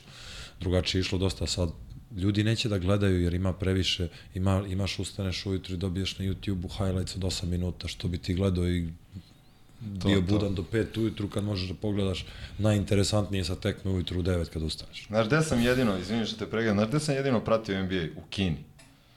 Kad sam živeo u Kini, to je bilo ekstra. Znači, budim se u kafica 9 ujutru i ide Denver prime time, ono, njihovo vreme. Razumeš, tako da 9 ujutru to je moje bilo. I tad sam pratio stvarno, tad mi je bilo, u Kini sam pratio lepo NBA, iskreno. A samo zbog toga. vremena. Interesantan je NBA za gledanje ko voli, naravno. Naravno, treba bude naravno. specifična publika, treba za NBA, nije ono, evropska publika, mislim, ko voli evropsku košarku. Više skroz nateže drugo. na Euroligu. No, Skroz je drugo, no. razumeš, a NBA je više show i realno najkvalitetniji košarkaši na svetu, najbolja tela, najbolja tehnika, najbolji šutevi. Ja volim to da pogledam, realno. Volim da gledam dva najbolja igrača na svetu na jednoj poziciji, LeBron i KD kad igraju jedan protiv drugog. Kako da, da ne voliš to da gledaš? To je, barem za mene, ono, Jes, hvala. Jes, hvala. Ajde onda da se malo okrenemo, jer šta ima još meseci po dana i onoga svetsko prvenstvo u košarci. Mm -hmm. Ameri su izbacili svoj spisak, Francuzi su izbacili svoj spisak, Gari, mudro ću. Da, spisak, spisak postoji. A gde je pečat? Koliko dana? Mislim, dve nedelje pre svetskog moraju da se izbace, oni ne moraju sada. To je nešto ispominja baš Pešić juče, čini mi se nekom intervju kao, ja ne moram sada dajem spisak. To što su neke države, to su Da, da. reprezentacije dali, ok, super za njih, ja ne moram, Mi ali... ćemo kontra.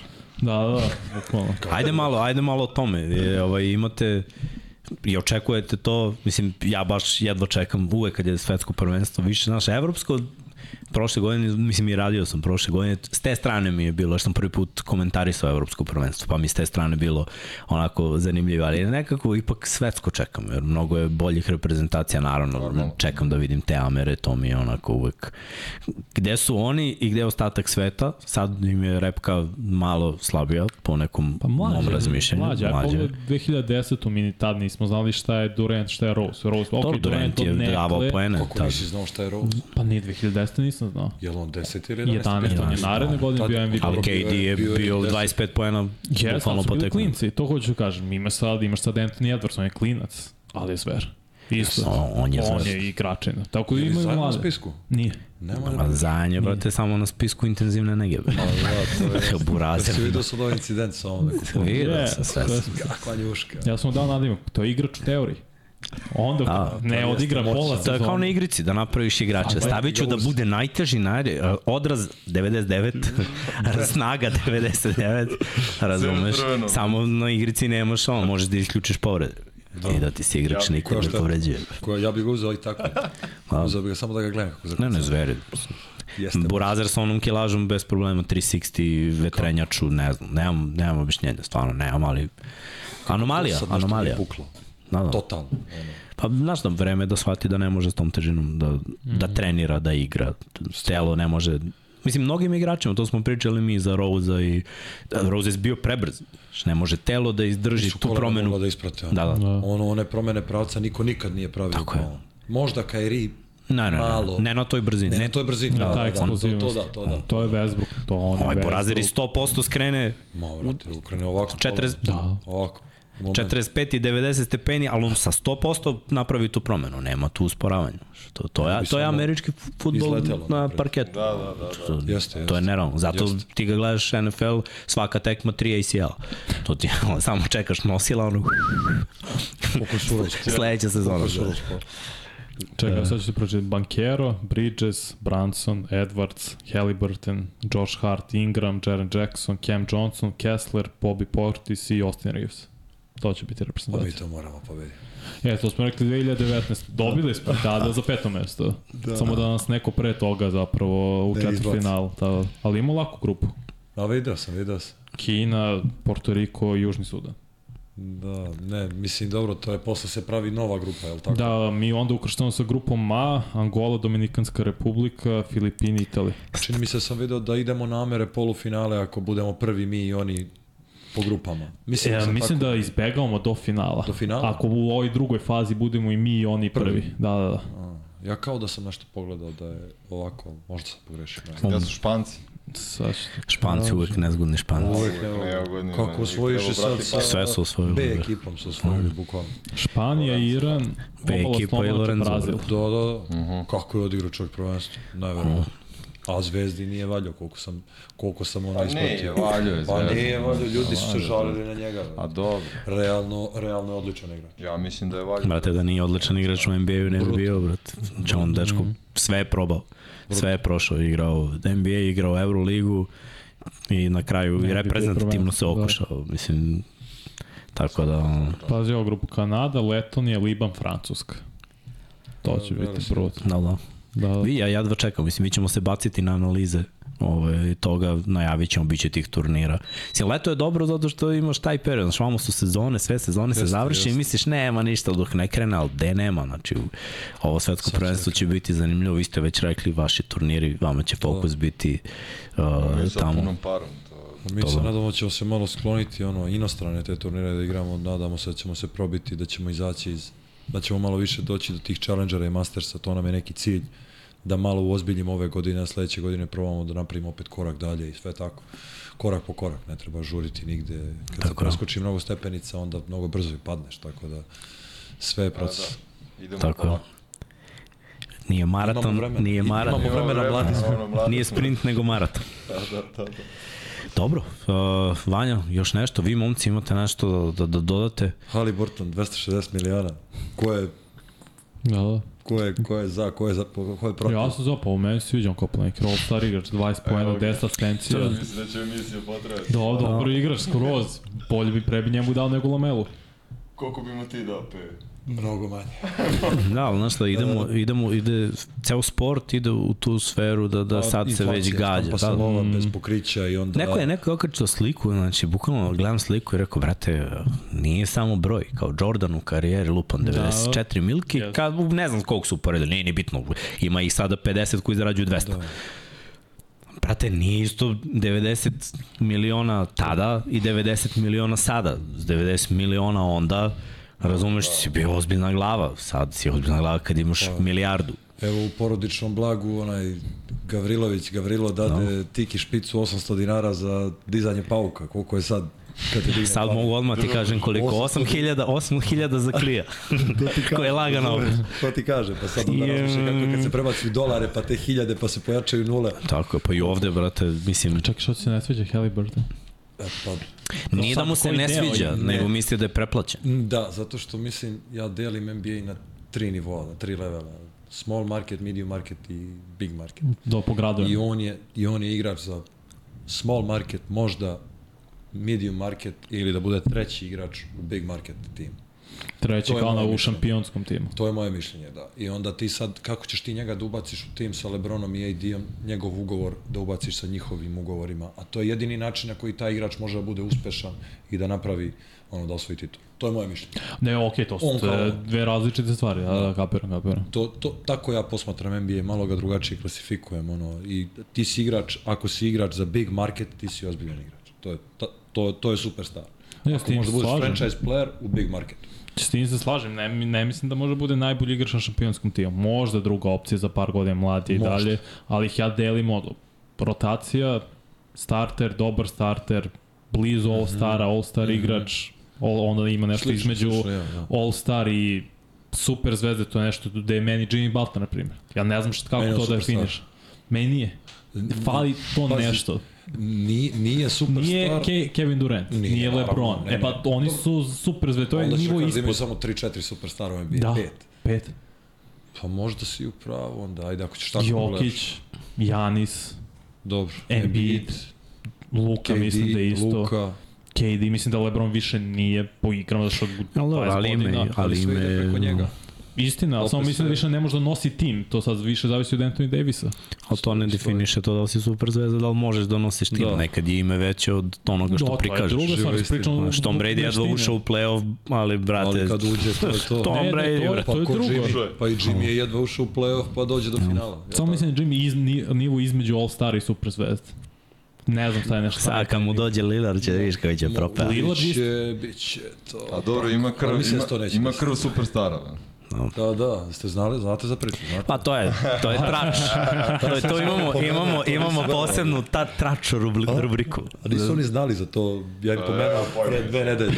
Miki to ne prati ništa, ja to sve volim. Oro, Ali ima Miki, ima. Miki je fokusiran, brate, teretana, trening, spavanje, klopa, razumeš. Brate, klopa, ono, mora se pazi. O, Ja sam ubeđen da je to Linija tačno. mora da bude... Dobro moguće, ja vidio sam sve. Jesi, da, jesi i ti ubeđen u to? Ima, ima, ima mi malo logike, iskreno. Svaki put kad postaje tu sliku, on zapita što. Jordan je vršlja po Chicagu. A? Da, vršljao. Da, da. Uh, Emir Lujinović te pozdravlja, kaže Kum moj. pozdrav za kuma Filipa.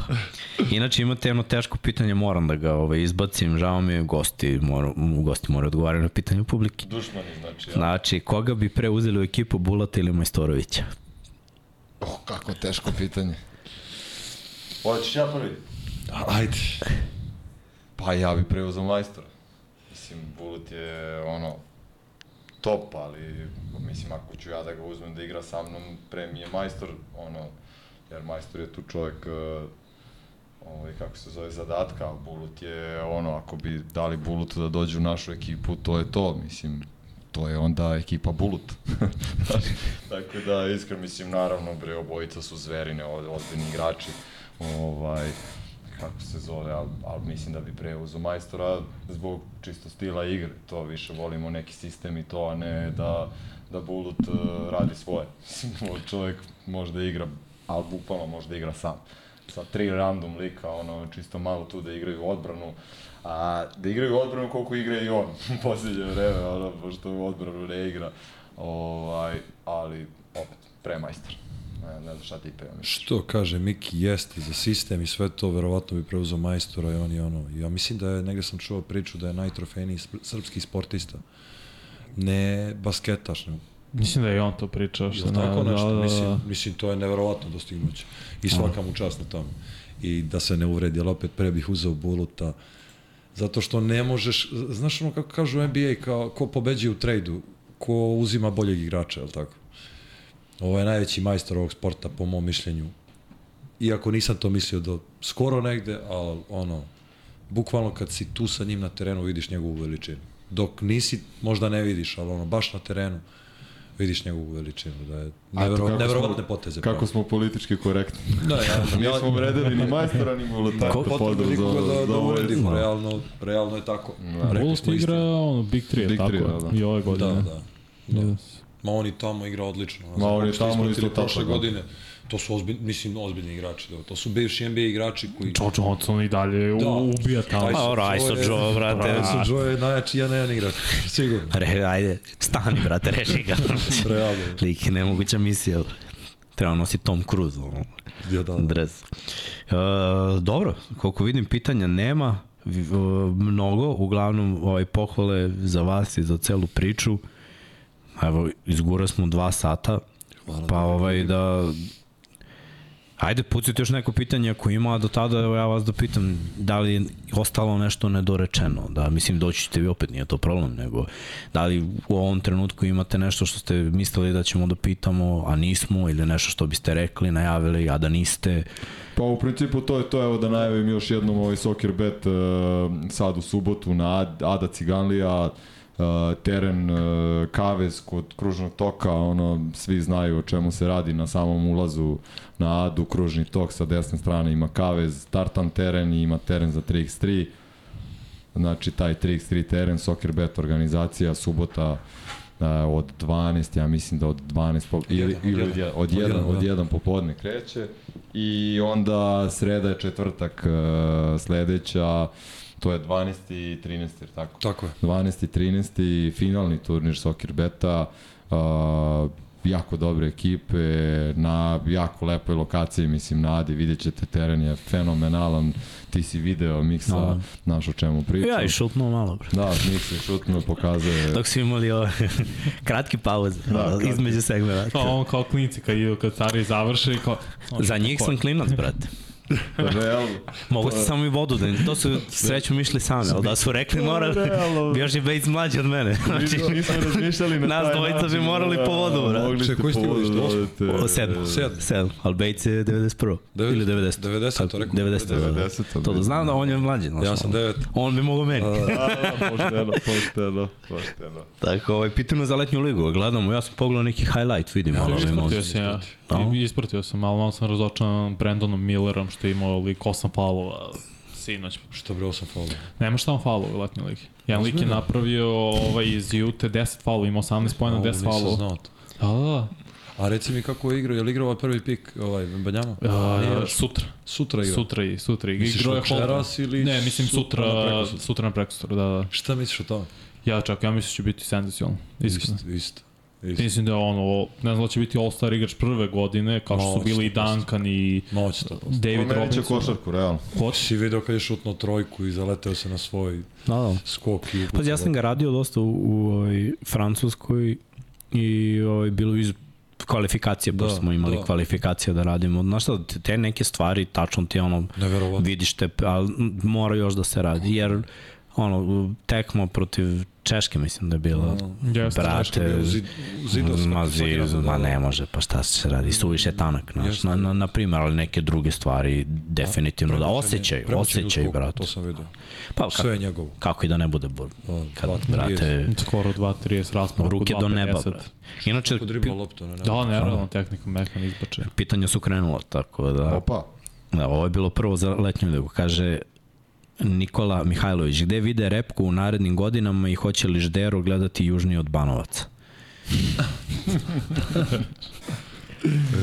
Pa, gde vidimo repku, vidimo je na tronu kao i što je bila, nadamo se Ma, nema da će problema. ostati, oni su neverovatan sistem, imaju i igraju odlično i odlična su odlična grupa momaka tu i ono, oko njih četvorice i tu ima još 2, 3, 4 momka koji mogu vrlo lagano mesto bilo koga da uđu, tipa Koja koji nije dobio još šansu da igra za reprezentaciju, mislim da je ono, A dobro, nije, do, nije dobio šansu, imao je prošle Imao godine šansu E, nego pa, korona, da. ja mislim. Prošle je pretprošle, da, da. treba da igra Pre- evropsko i dobio Isto, koronu. ono, tu da. ima nekoliko momaka koji su tu ono pri Limanu, Ubu, fenomenalni koji još nisu dobili šansu da igraju, a definitivno mogu da uđu da igraju, tako da ono, Ma nema, nema, Nema nema, zime tu, nema ja zime, mislim. za reprezentaciju nema zime. završnica svih velikih takmičenja, ono, prva tri mesta, to je neka realnost koja se očekuje na svakom takmičenju, tako da to je to.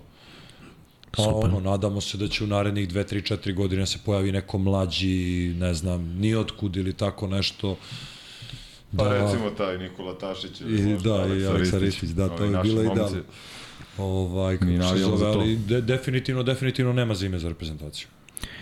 Uh, Jovan Marković pita, može o tom traču u NBA što ste se slatko nasmejali, kaže nismo čuli ništa, pa trač je da Sa je... Jimmya, ja? Da, da, Michael Jordan, Ćale, Jimmy Butler. Butlera, da. Da, to je trač, mislim. Ili ti da je I onda su- Jimmy Butler Jor- Jordanov mali. Da. Normali, da. I To sad, naravno, bile su tu neke slike poređenja, vamo, namo, mislim, Pa meni je više ona priča, ono njegova majka. i izbacila ga. Ne samo to, nego ono, nije nikad prijavila ko je otac, uh, on nikad nije upoznao oca, ali je dobio razne poklone i bili su finansirani do tog momenta dok ga nije izbacila majka.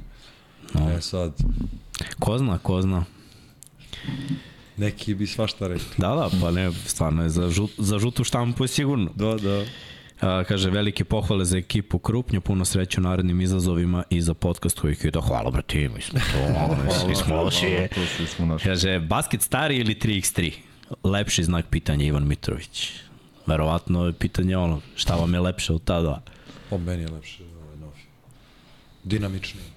A, normalno novi, mislim... Ma, dobro, bilo. Zato je, zato je moglo da se igra ceo dan. Zato je mogo ti da dođeš u 3 i da pobeđuješ ceo dan i da na kraju u 12 ideš kući kao pobednik ono 20 ekipa, zato što si igrao taj stari basket, zato što pogodiš dvojku, to je daš koš i igraš ponovo napad. Pa ne može to. Sećate se, bilo je Ne ono, može to. pogotovo stariji, kad smo mi bili klinci, pa smo ono dobijali šansu sa sa 15, 16, 17, 18 igraš sa starijima, bilo ti je drago da igraš. Da, I sad dolaziš igraš protiv momaka koji su ono 35-40 godina i nisu kondiciji, ono baš kao ti klinac od 20 godina sprema na sve. I ono, znaš, primi loptu i lagano, jedno 10 sekundi odmaraju, onaj tamo veže Berta lagano i onda kao igramo pik, pa nema ništa, pa repik, to traje po 30 sekundi, razumeš? da, da. Sad je napad 12 sekundi, to... Ne, ne, kupi se ovo što vi mrežice. igrate, ja sam rekao, za ovo treba se spremati ozbiljno, znači ja vidim vaš nivo pripreme, mislim, Pa nivo, nivo borilačkih veština, ja mislim. Da. Prilike. Svaka, svaka čast vama, nije, nije ovo uopšte lako. Znači, mi smo imali pripreme na naše tekme su po tri kusur sati, a izađeš i na zagrevanje ranije, ti ne jedeš 5 sati moraš, ali to je tipa, zbog toga znam gde ste vi. Da, da. Razumeš, jer kod nas je sprint, sprint, pa chill, Američki futbol je dosta ono, veća su tela i ne treba ti toliko, ja ne znam da li je to aerobija ili anaerobija, ono, da trčiš duže. To vama ne treba toliko. pa ali Vama trebaju trčiš kratke distance kratko sprint, i, i kratko dosta sprint. snage Mada se troši u tom moja pozicija je malte ne ono 50, 50, Šta si 50, igrao? pa s polja Wide receiver? ja moram raširim, brate. Wide receiver smo? Da. Braz, meni je tri fejda i God. ja već istrču 200 metara, brate. Razumeš u sprintu. Padaš. I on je kao sledeća akcija blokiraj čoveka, gotovo. Te brate, znam ga blokiram silu. ne mogu da dišem, brate. Meni je najveća pozicija u američkom futbolu, linebacker. Oh, Oni su najveća pozicija. oni running back koji to su, znaš, to, Da, da, da. to, to, Posebna to, glava posebne, za to, posebni da. ljudi, brate. Jeste, jeste. Najizdržljiviji izdržljivi ljudi na, na svetu. 100%. Kaže da pita Milana i Fiću šta bi uradili Jabuselu kad bih onako bacio. Pa, Verovatno ništa, ne bi mogli ništa. da, da.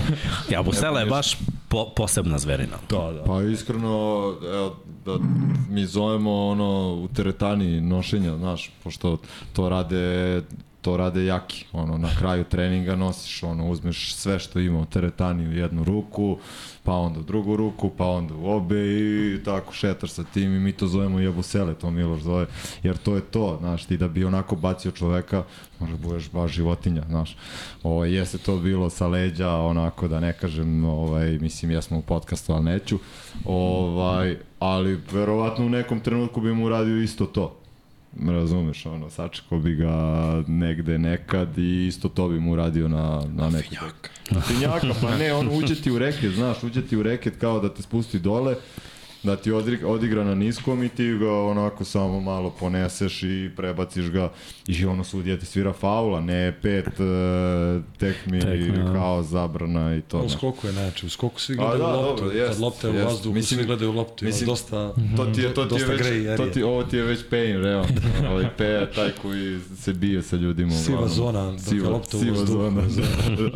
siva zona. Kad niko ne gleda šta se dešava terenu. Uh, kaže Jovan Marković da se istimate i da prodajete ove dresove krupa, njem izgledaju brutalno i može fina kinta da se uzme. Moj, ja ne znam, ja sam svoj dobio. Još ja da ti A, može, ovaj, kako se zove, oco javi se ako imaš neki Javi biznis plan i to... Započni merč Zap- neki, ono, da radi. Da, radit ćemo zajedno, nema Pola, šta. pola, joc. Može, pola, pola, eto. Uh, imamo pitanje i za Jovića, da li će dobiti veću minutažu ove sezone. Nadam se pre svega da će ostati. Nikola Iz, Jović e, na Miami. Iz Miami, Nadam da. se pre svega da će ostati u Miami. Da ne bude i on ubačen u trade za Lillard. Vrlo moguće. Tako da Ako... Mislim da je talentovan. Jeste, mislim da je talentovaniji nego Pokuševski. Baš je za NBA. Telo Mhm. pravo za NBA, ono, 3 na 4, kao Kuzma fazon. Pa da, klinac je još, brim, 19 godina, polako, da. razviće se on lepo. Meni se sviđa. Isto. Uh, dobro, eto, to bi bilo to. Još jednom pozivamo da se isprati taj događaj na Adi.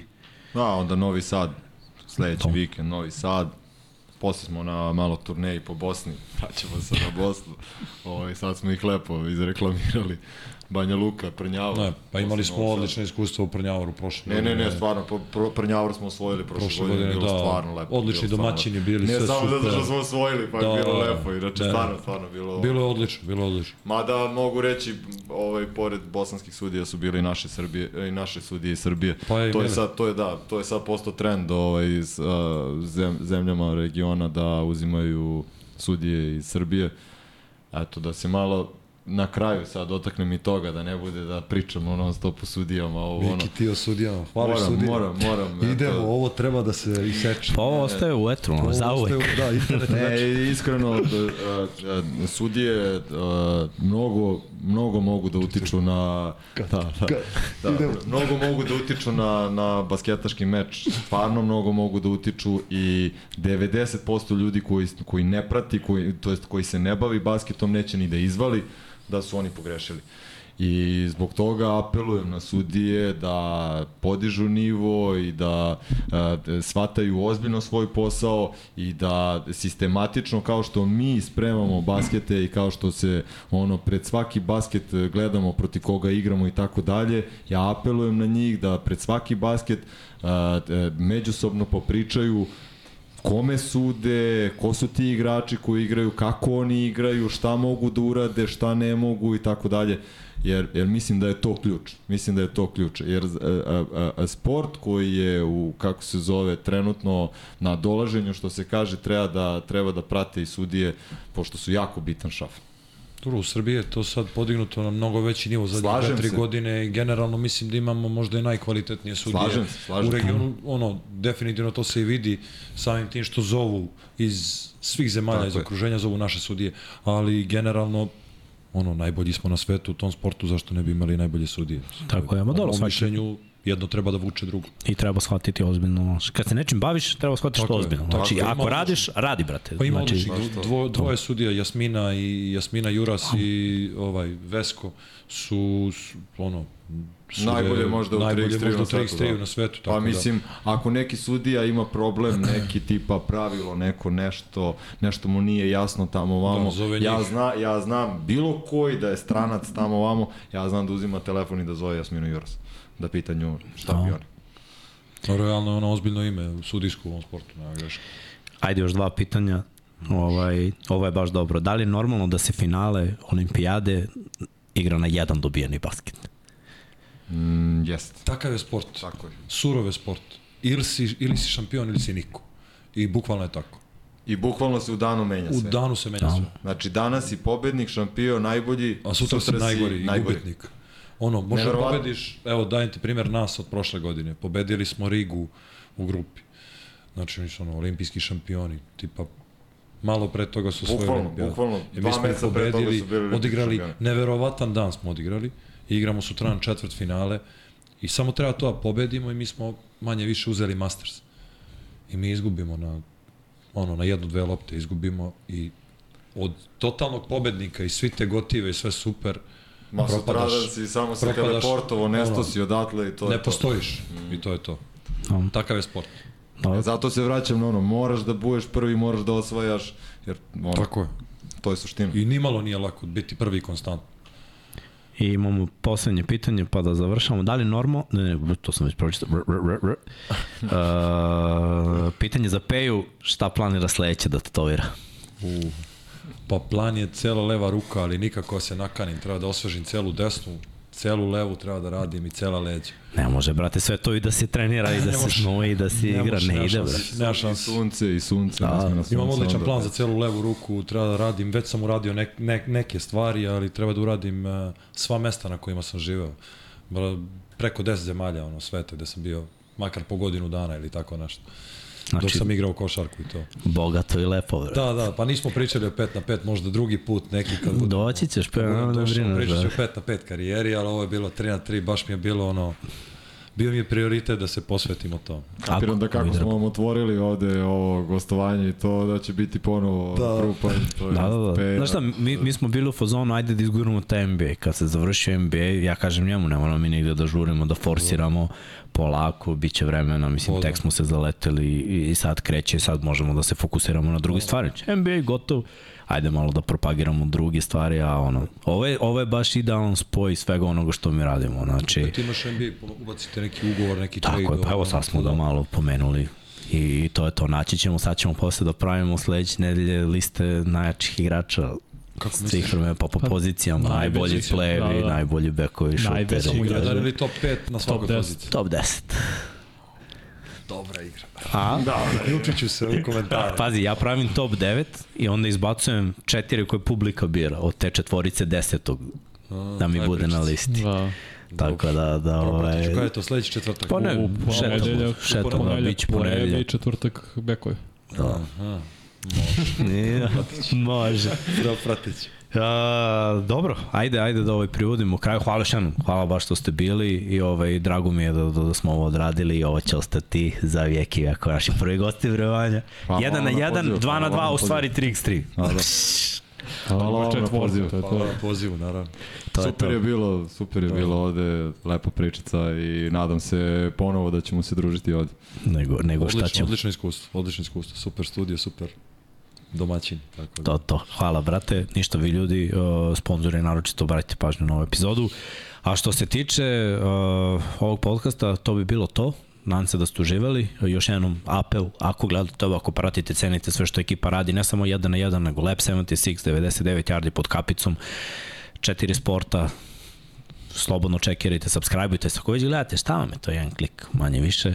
Čekirajte shop, čekirajte uh, i Patreone, budite naši pokrovitelji, mi se vidimo sledeće nedelje. Ko vole američki futbol, sutra ćemo imati takođe epizodu, nastavljamo Power Ranking, takođe ćemo snimiti tu uh, futbolsku priču Marka Batesa, ali to ćemo emitovati nešto kasnije, s obzirom da neko od nas će pobegne ponovo na odmor, ali ti ću. Nećemo ništa o tome, ako možemo da dobijemo Patreone i ljudi do sledeće epizode. Veliki pozdrav iz Infinity Lighthouse studija. Ćao!